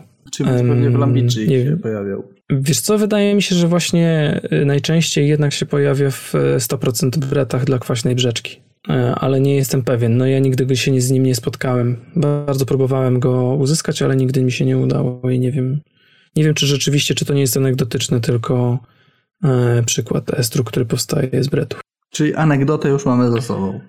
Tak. Dobra, i lecimy dalej, tak? Bo teraz będzie coś takiego ciekawszego. Lecisz, lecisz, lecisz.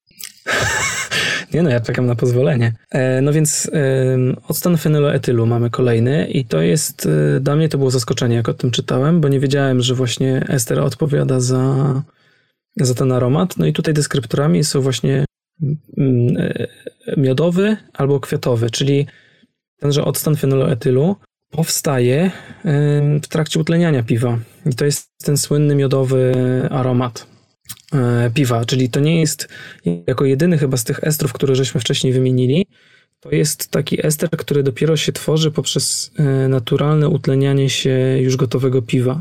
Mm, Bo musicie wiedzieć, że e, estry to są takie związki, które są dosyć mocno utlenione, sz- szczególnie w porównaniu do e, alkoholu etylowego. Więc jak mamy taki mikro, powiedzmy, dostęp e, tlenu do, do piwa, to tam ten, ten tlen sobie się dostaje do środka i e, zachodzą różne procesy e, bardzo powolnego utleniania różnych e, substancji, które są obecne w tym piwie. No i ten octan fenoloetylu właśnie w ten sposób powstaje, no i on się charakteryzuje mm, takim miodowym zapachem. Jak ktoś kiedyś któreś e, grodziskie od pinty e, pachniało bardzo mocno tak miodowo. Ja nie pamiętam, które chyba 2.0 albo 3.0.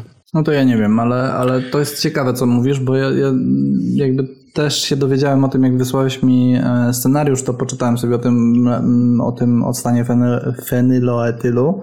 E, I generalnie e, w ogóle proces utleniania chyba jeszcze nie jest za dobrze zbadany. proces utleniania piwa, dlatego że tam powstaje, jak zacząłem czytać o tym o, o stanie fenylotylu, to, to w ogóle mi zaczęła czacha dymić i prawie nic nie zrozumiałem. Natomiast ciekaw jestem, czy ty wiesz, od, czy, ty, czy ty to wiesz, e, czy mm, związek, który jest na e, szkoleniach sędziów, który e, pachnie, znaczy, który jest przedstawiony jako miodowy, bo, bo taki jest przecież, to czy on jest właśnie e, tym e, odstanem fenylotylu? Nie wiem, nie, nie próbowałem nigdy em, znaleźć tej informacji. Mo- mogę tego, tego poszukać, e, ale to kiedyś tam. Trzeba było pewnie spytać e, Flavor Active, kogoś z Flavor Active, a nie, a nie tak e, w ciemno strzelać, bo oni pewnie, znaczy na pewno wiedzą, co mają, nie? Tak, może Paweł Leszczyński napisze e, komentarz pod, pod odcinkiem. E, no więc chciałem tylko jeszcze powiedzieć o tym, jaki często aromat towarzyszy temu miodowemu i wydaje mi się, że gdybym miał wskazać jeden, to bym powiedział mokry karton, czyli trans 2 nonenal. E, nie wiem, czy tym się zgodzisz z tym. No tak, no, to są te, te aromaty, które towarzyszą utlenieniu. Ogólnie pojętemu tak mówimy, że piwo jest utlenione, jak pachnie mio- miodem albo pachnie mokrym kartonem. Ja co, co, to, co prawda do mnie ten mokry karton tak średnio przemawia, ja zazwyczaj czuję to jako taki papi- papierowy bardziej, albo pergamin, albo coś takiego, ale no pewnie, że tak. To, to, to, będzie, to będą dwa aromaty, które będziemy czuć. Chociaż też trzeba powiedzieć, że nie zawsze jest tak, że jak jest miód, to jest papier i na odwrót, jak jest papier, to jest miód. Ja w tej chwili nie potrafię sobie przypomnieć, ale w niektórych stylach, na przykład w piwach chmielowych, raczej pójdzie coś e, w, w miód. Natomiast w takich piwach, e, gdzie tego chmielu na zimno było mało, to cze- częściej to idzie w taki no papierowy. Dla mnie to jest taki brystolowy aromat. Mhm. No ja to czuję jako starą książkę, e, ale chyba się z tym, ale się z tym zgodzę, tylko że po prostu miałem raczej na myśli to, że gdybym miał wskazać jeden e, aromat, który będzie towarzyszył temu miodowemu, to właśnie byłby to ten w cudzysłowie mokry karton. Nie, no to, to, to pełna zgoda. E, No dobra, to co, lecimy chyba dalej. Teraz, jakie są przyczyny powstawania estrów? Już troszeczkę o tym wspomnieliśmy, ale warto by było to zebrać do kupy i, podyskutować na ten temat. No więc ja, jako pierwsze ja wymieniłem temperaturę, bo przyjęło się uważać, że podwyższona temperatura fermentacji sprzyja pow- powstawaniu estrów. E, Dlatego, że one pewnie mają wtedy e, silniejsze właściwości utleniające, w sensie tam te ich cykle enzymatyczne pozwalają na uzyskanie substancji o wyższym stopniu utlenienia i przez to temperatura mm, sprzyja takiemu procesowi. Ale bardziej ogólnie można powiedzieć o tym, że raczej chodzi o stres drożdży. I chyba się z tym zgodzisz, prawda? Tak. y, Tak, zdecydowanie tak I, i pod stresem drożdży właściwie można podpiąć wszystko inne, o czym pewnie chcielibyśmy powiedzieć, bo jakimś tam stresem drożdży jest na pewno podwyższona temperatura, to też jest stres drożdży. Mm, stresem drożdży jest pewnie niedotlenienie brzeczki i stresem drożdży będzie pewnie zbyt niska temperatura albo E, stresem drożdży, dla drożdży będzie to, że doda się ich za mało i będą, nie będą w stanie, w stanie się namnożyć do odpowiedniej ilości. To wszystko pewnie będzie stresem drożdży w jakiś sposób. Natomiast przyjęło się, że mówi się o stresie drożdży w momencie, kiedy jest ich za mało albo jest ich za dużo, tak? Tak, tak, ale znaczy tutaj teraz przyszło mi do głowy, że nie do końca dobrze to zaplanowałem. E, bo teraz mówiliśmy o to, co przed chwilą e, żeśmy mówili. To dotyczyło stylów, w których tych estrów nie chcemy, czyli traktujemy tutaj te estry jako wadę. E, podczas gdy często są sytuacje, w których na przykład przy tym wajcenie chcemy tych estrów, i tutaj już właśnie niektórzy próbują korzystać z tych samych technik, e, że tak powiem, do uzyskania tego profilu bardzo estrowego, czyli podwyższają temperaturę albo ten underpitching, o którym ty wspomniałeś, też jest uważany za coś, co może sprzyjać powstaniu e, e, tego bananowego estru, tego odstanu izoamylu, prawda? Wiesz co, ja, ja trochę mam inne zdanie, dlatego że ja uważam, że pewne drożdże bez stresu, prowadzone bezstresowo, o, takie dzieci się bezstresowo prowadzi, też potrafią też potrafią y, produkować te estry i moim zdaniem przy piwach, które mają mieć estry, jak wajceny, y, mają mieć ten odstan izoamylu, który daje banana, to one same z siebie y, w odpowiednich warunkach produkują te estry. Nie, nie trzeba ich dodatkowo stresować, dlatego ja nie lubię underpitchingu, bo uważam, że jak, e, jak zestresujesz drożdże, to one przy okazji e, naprodukują też różnych innych rzeczy, niekoniecznie estrów, które są niepożądane, jak na przykład aldehyd octowy. Dlatego ja, ja jestem dużym przeciwnikiem stresowania drożdży, ogólnie rzecz biorąc. Mhm. Ja to dokładnie, czy doskonale to rozumiem i, i, i się z tym w 100% zgadzam, że rzeczywiście mm, często zamiast upierać się e, nad stresowaniem drożdży, lepiej jest po prostu zmienić szczep na bardziej estrowy. I to w dużej części przypadków rozwiąże Was problem z za mało estrowego piwa, jeżeli uważacie, że Wasze piwo jest za mało estrowe. E, zdrowa fermentacja e, jest zawsze gwarantem sukcesu, ale jeżeli jesteście niezadowoleni z profilu piwa, to raczej byśmy chyba, myślę, że się zgodzisz ze mną, że rekomendujemy raczej zmianę szczepu drożdży na bardziej estrowy niż mm, próbowanie kombinowania z, e, ze stresowaniem drożdży. Tak, tak. Trochę, trochę zabrzmiało to w pewnym momencie jak takie przemówienie e, wodza w PRL-u, wodza partii, ale tak, generalnie tak. No przecież wiesz, że ja jestem starym komuchem. O, dziękuję. E, tylko jeszcze jedna rzecz, o której chciałem wspomnieć a propos tego stresowania drożdży, to, to, która jest dosyć istotna to jest e, fermentacja kwaśnej brzeczki. Bo ja na przykład miałem najbardziej estrowe piwa, z którymi ja się spotkałem w e, moim piwowarstwie domowym. E, to były piwa, które były zakwaszone mm, przez Cattle Sour, czyli zakwaszałem najpierw sobie przez 48 godzin piwo w podwyższonej temperaturze bakteriami, a następnie dopiero do zakwaszonej brzeczki zadawałem drożdże. I ten szok, który, którego drożdże doznają padając do brzeczki kwaśnej, powodował, że one po produkowały monstrualne ilości estrów. I to takiej ilości na przykład heksanianu etylu, że nie dało się potem tego piwa pić. Było takie nieprzyjemne, jabłkowe. Wylałem w ogóle to piwo potem. Wiesz co, ale to się, to się bardzo wiem, często masz... zdarza na, na konkursach właśnie, że masz piwa, które, kwasy, które są tak jabłkowe, że pachną trochę jak cydr nie? Że, że tego jabłka jest tyle, że, że właściwie tak. nie da się tego znieść. No.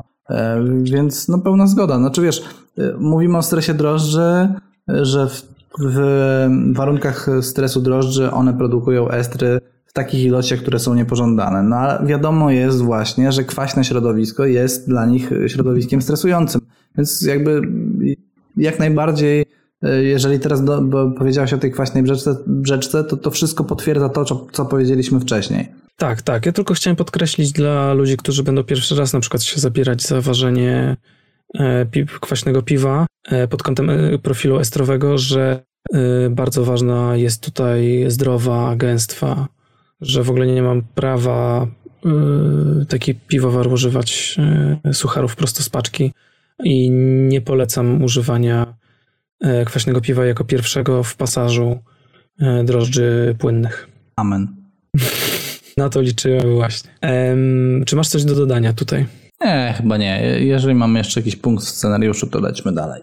Tak, mamy jeszcze y, coś, co tygrysy lubią najbardziej i coś, na co ja najbardziej oczekiwałem tutaj w, w tym, przy tym odcinku, że sobie podyskutujemy, a mianowicie dyskusję o tym, jak z punktu widzenia estrów powinny wyglądać style. Bo są takie style, w które część ludzi uważa, że powinny być estry przez zaszłości jakieś e, historyczne naj- zwykle, a nowoczesne piwowarstwo mówi, że raczej tak być nie powinno i, i teraz na warsztat sobie postanowiłem wziąć dwa style, a mianowicie Witbira i Stout. I może zacznijmy od tego Witbira i, i powiedz mi, jak ty sądzisz, czy Witbier powinien być estrowy? Wiesz co, nie wiem, czy ja jestem osobą, która powinna mówić, czy coś powinno być, czy nie. To pewnie jakby opis stylu w oparciu o jakąś historię piwowarstwa powinien o tym mówić. Natomiast moim zdaniem akurat w Witbirze estry y, są pożądane, natomiast y, jednocześnie w nowoczesnym piwowarstwie, gdzie tej skórki y, pomarańcza, często skórek cytryny i tak dalej, i tak dalej, innych cytrusów daje się tyle, że najczęściej e, te aromaty od dodatków po prostu przykrywają e, te estry i one niekoniecznie są do wyodrębnienia i, ciężko je pewnie jest znaleźć tak wprost w Witbirze. Natomiast co do zasady pewnie są pożądane. E, Okej, i tutaj ja się zgadzam z tym, y, bo jak, znaczy og- ogólnie y, co do twojej uwagi, to ja pytając y, o to, y, czy powinien być, czy powinny być estry w Witbirze, pytałem o twoje wyobrażenie o tym stylu, a nie o to, ja- jak to powinno być względem opisu stylu. Czyli podałem Bo- Ci bardzo złożoną odpowiedź na Twoje pytanie. I bardzo słusznie, że tak zrobiłeś. Jeżeli chodzi na przykład o moje zdanie w, tym, w tej kwestii, to ja uważam, że A on to nikt Cię powinien nie pytał to. delikatny. Lećmy dalej, lećmy dalej. Dobrze, stout. Nie, nie, żartowałem. Powiedz, Oleczku, powiedz, powiedz. E, Więc ja uważam, że powinien być delikatny ten profil estrowy. W sensie on powinien uzupełniać ten profil aromatyczny, który jest wnoszony przez przyprawy i przez e, skórkę owocową. E, Ale tylko uzupełniać, tak? Tam te przyprawy mają grać pierwsze skrzypce.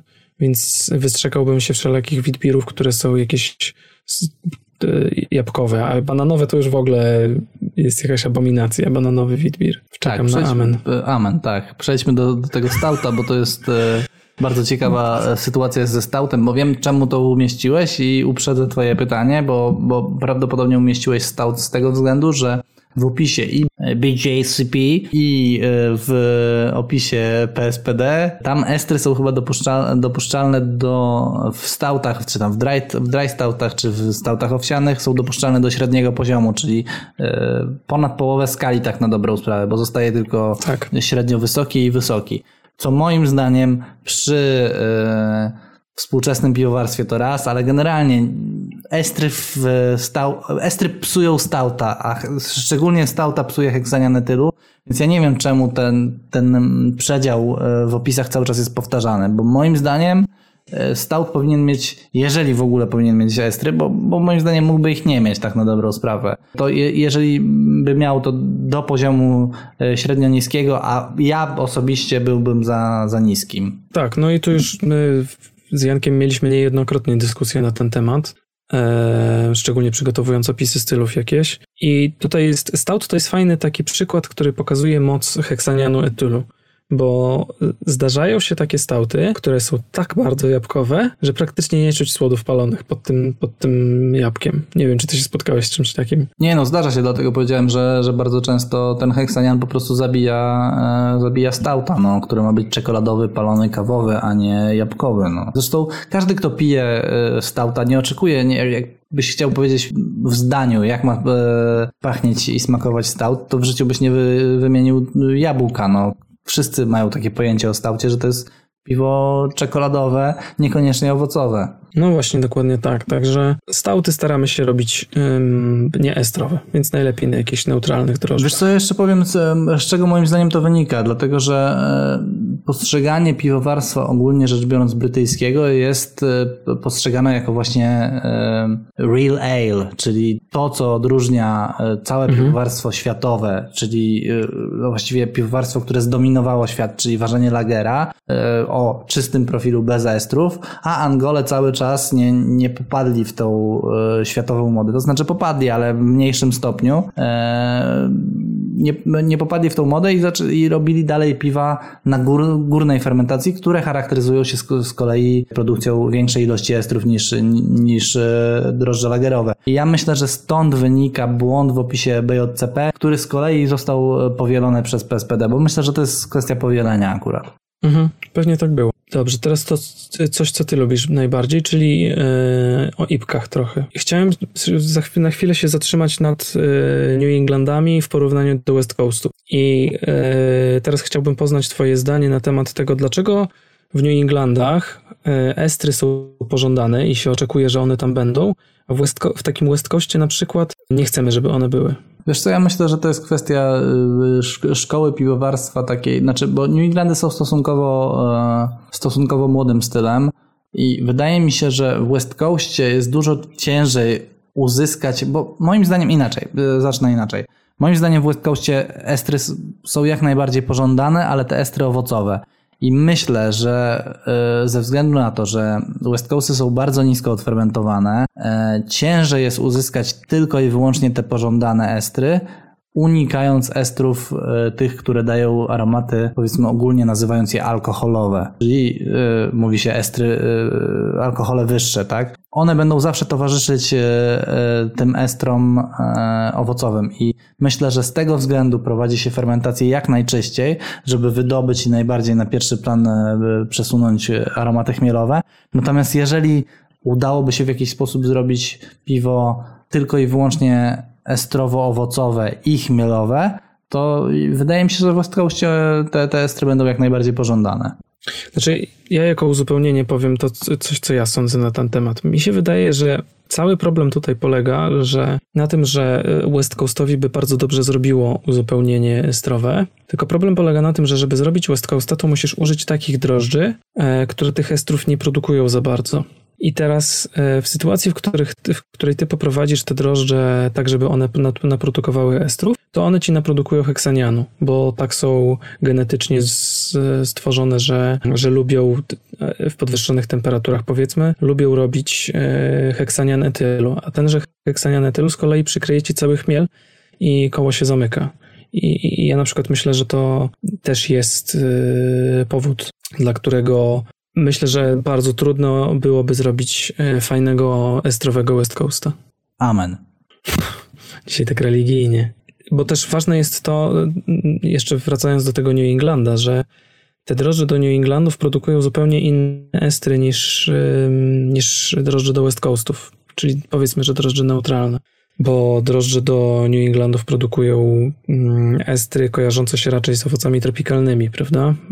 Podczas gdy mm, neutralne drożdże chyba raczej nie potrafią czegoś takiego. Ja nie słyszałem o neutralnych, znaczy, no tak, o neutralnych drożdżach, które byłyby, byłyby w stanie takie fajne sałatkowo, e, sałatkowo-owocowe estry yy, wyprodukować. No zgoda, bo, bo, właściwie z tego, co ty mówisz, można byłoby użyć tych samych drożdży do West Coasta, bo, bo nie wspomniałeś o najważniejszej rzeczy. Ja w sumie nie wiem, czy też wspomniałem, bo, bo Wydaje mi się, że też nie. West Coast musi być bardzo nisko odfermentowany. Te drożdże do New Englanda nie gwarantują tego. E, a inne szczepy, które zejdą niżej, z kolei nie produkują, tak jak powiedziałeś, zresztą nie produkują tylu estrów albo nie produkują takich estrów, które my byśmy pożądali przy piwie chmielowym. Tyle. Tak, tak. Wspomniałeś o tym, ale dobrze, że to rozwinąłeś jeszcze i podkreśliłeś drugi raz. E, no dobrze, i, i na koniec chciałem porozma porozmawiać tak bardziej ogólnie o tym, jak możemy sterować e, estrowością piwa w takich stylach, w których ta estrowość jest pożądana.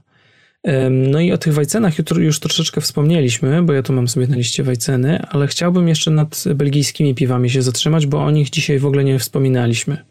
A one też wymagają, e, żeby ich profil był przynajmniej częściowo estrowy. E, szczególnie w takim triplu na przykład.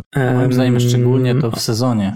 I sezon bardzo fajnie e, pokaże też to, co chcemy powiedzieć chyba, tak? Bo, chcemy powiedzieć o, stero, o sterowaniu fermentacją, żeby uzyskać te estry, a sezon jest fajnym przykładem tego, w jaki sposób to, to robić i to, to jest piwo, które moim zdaniem e, bardzo mocno pokazuje to, jak te estry zbudować. No dobra, to weź e, powiedz w takim razie, bo jest, sam jestem ciekaw.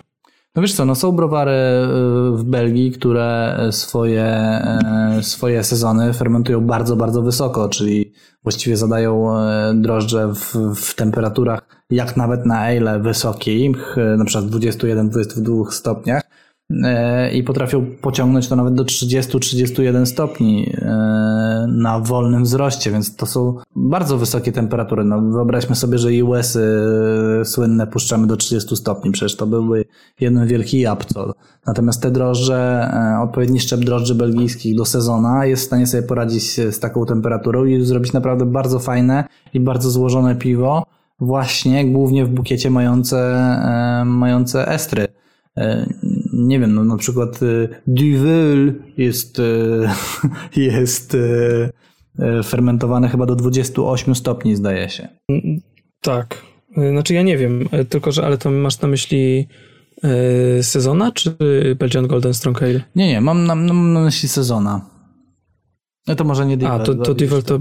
Tak, tak, to popieprzyłem. Dupont. Dupont, o widzisz, Dupont. bo wiedziałem, że jest taka nazwa, którą można tak w, w, taki fajny sposób e, wypowiedzieć. Tak, chodziło mi o Dupont. Dupont. Tak, ja się z tym zgadzam.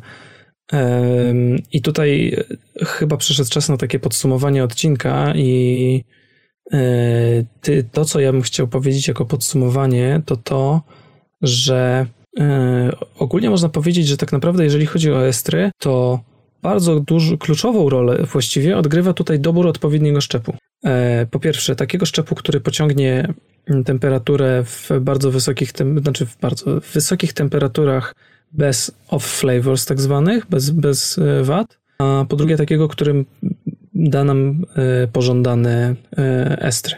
Zgodzisz się?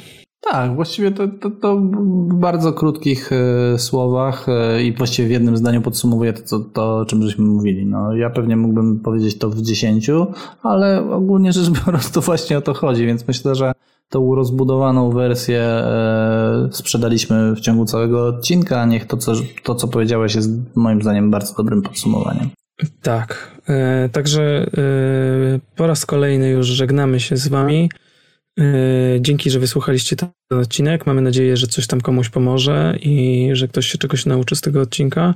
Klikajcie dzwoneczki, strykajcie e, subskrypcje, pozdrawiajcie Przemka jak zwykle i słyszymy się w kolejnym odcinku. Do usłyszenia. Hej. Ostatnio ktoś powiedział, że jesteśmy takimi e, stand-uperami, więc żegnają was stand-uper Olek. Hejka. Oraz stand-uper Janek. Do usłyszenia.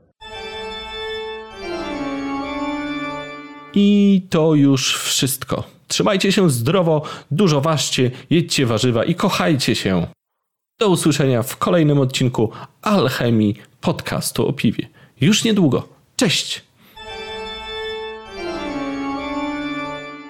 Sprzedałem wszystko, co wyprodukowałem wcześniej. Jedyne, co mi zostało... Mhm. O, chiller chyba pracuje. Tak, chiller. Mhm. Wiertarka? Sąsiad wierci? No, poczekajcie chwilę, może zaraz ja przestanie. w dobrym momencie. Panie, kurwa, my to nagrywamy. Ale ma jakąś dobrą wiertarkę, bo dobrze słychać. I długo. O, zaciszył się. Udarową. Ja jestem o tyle w dobrej sytuacji, że ja sprzedałem wszystko, co. Tego nie wycinaj. No nie, nie, kurwa.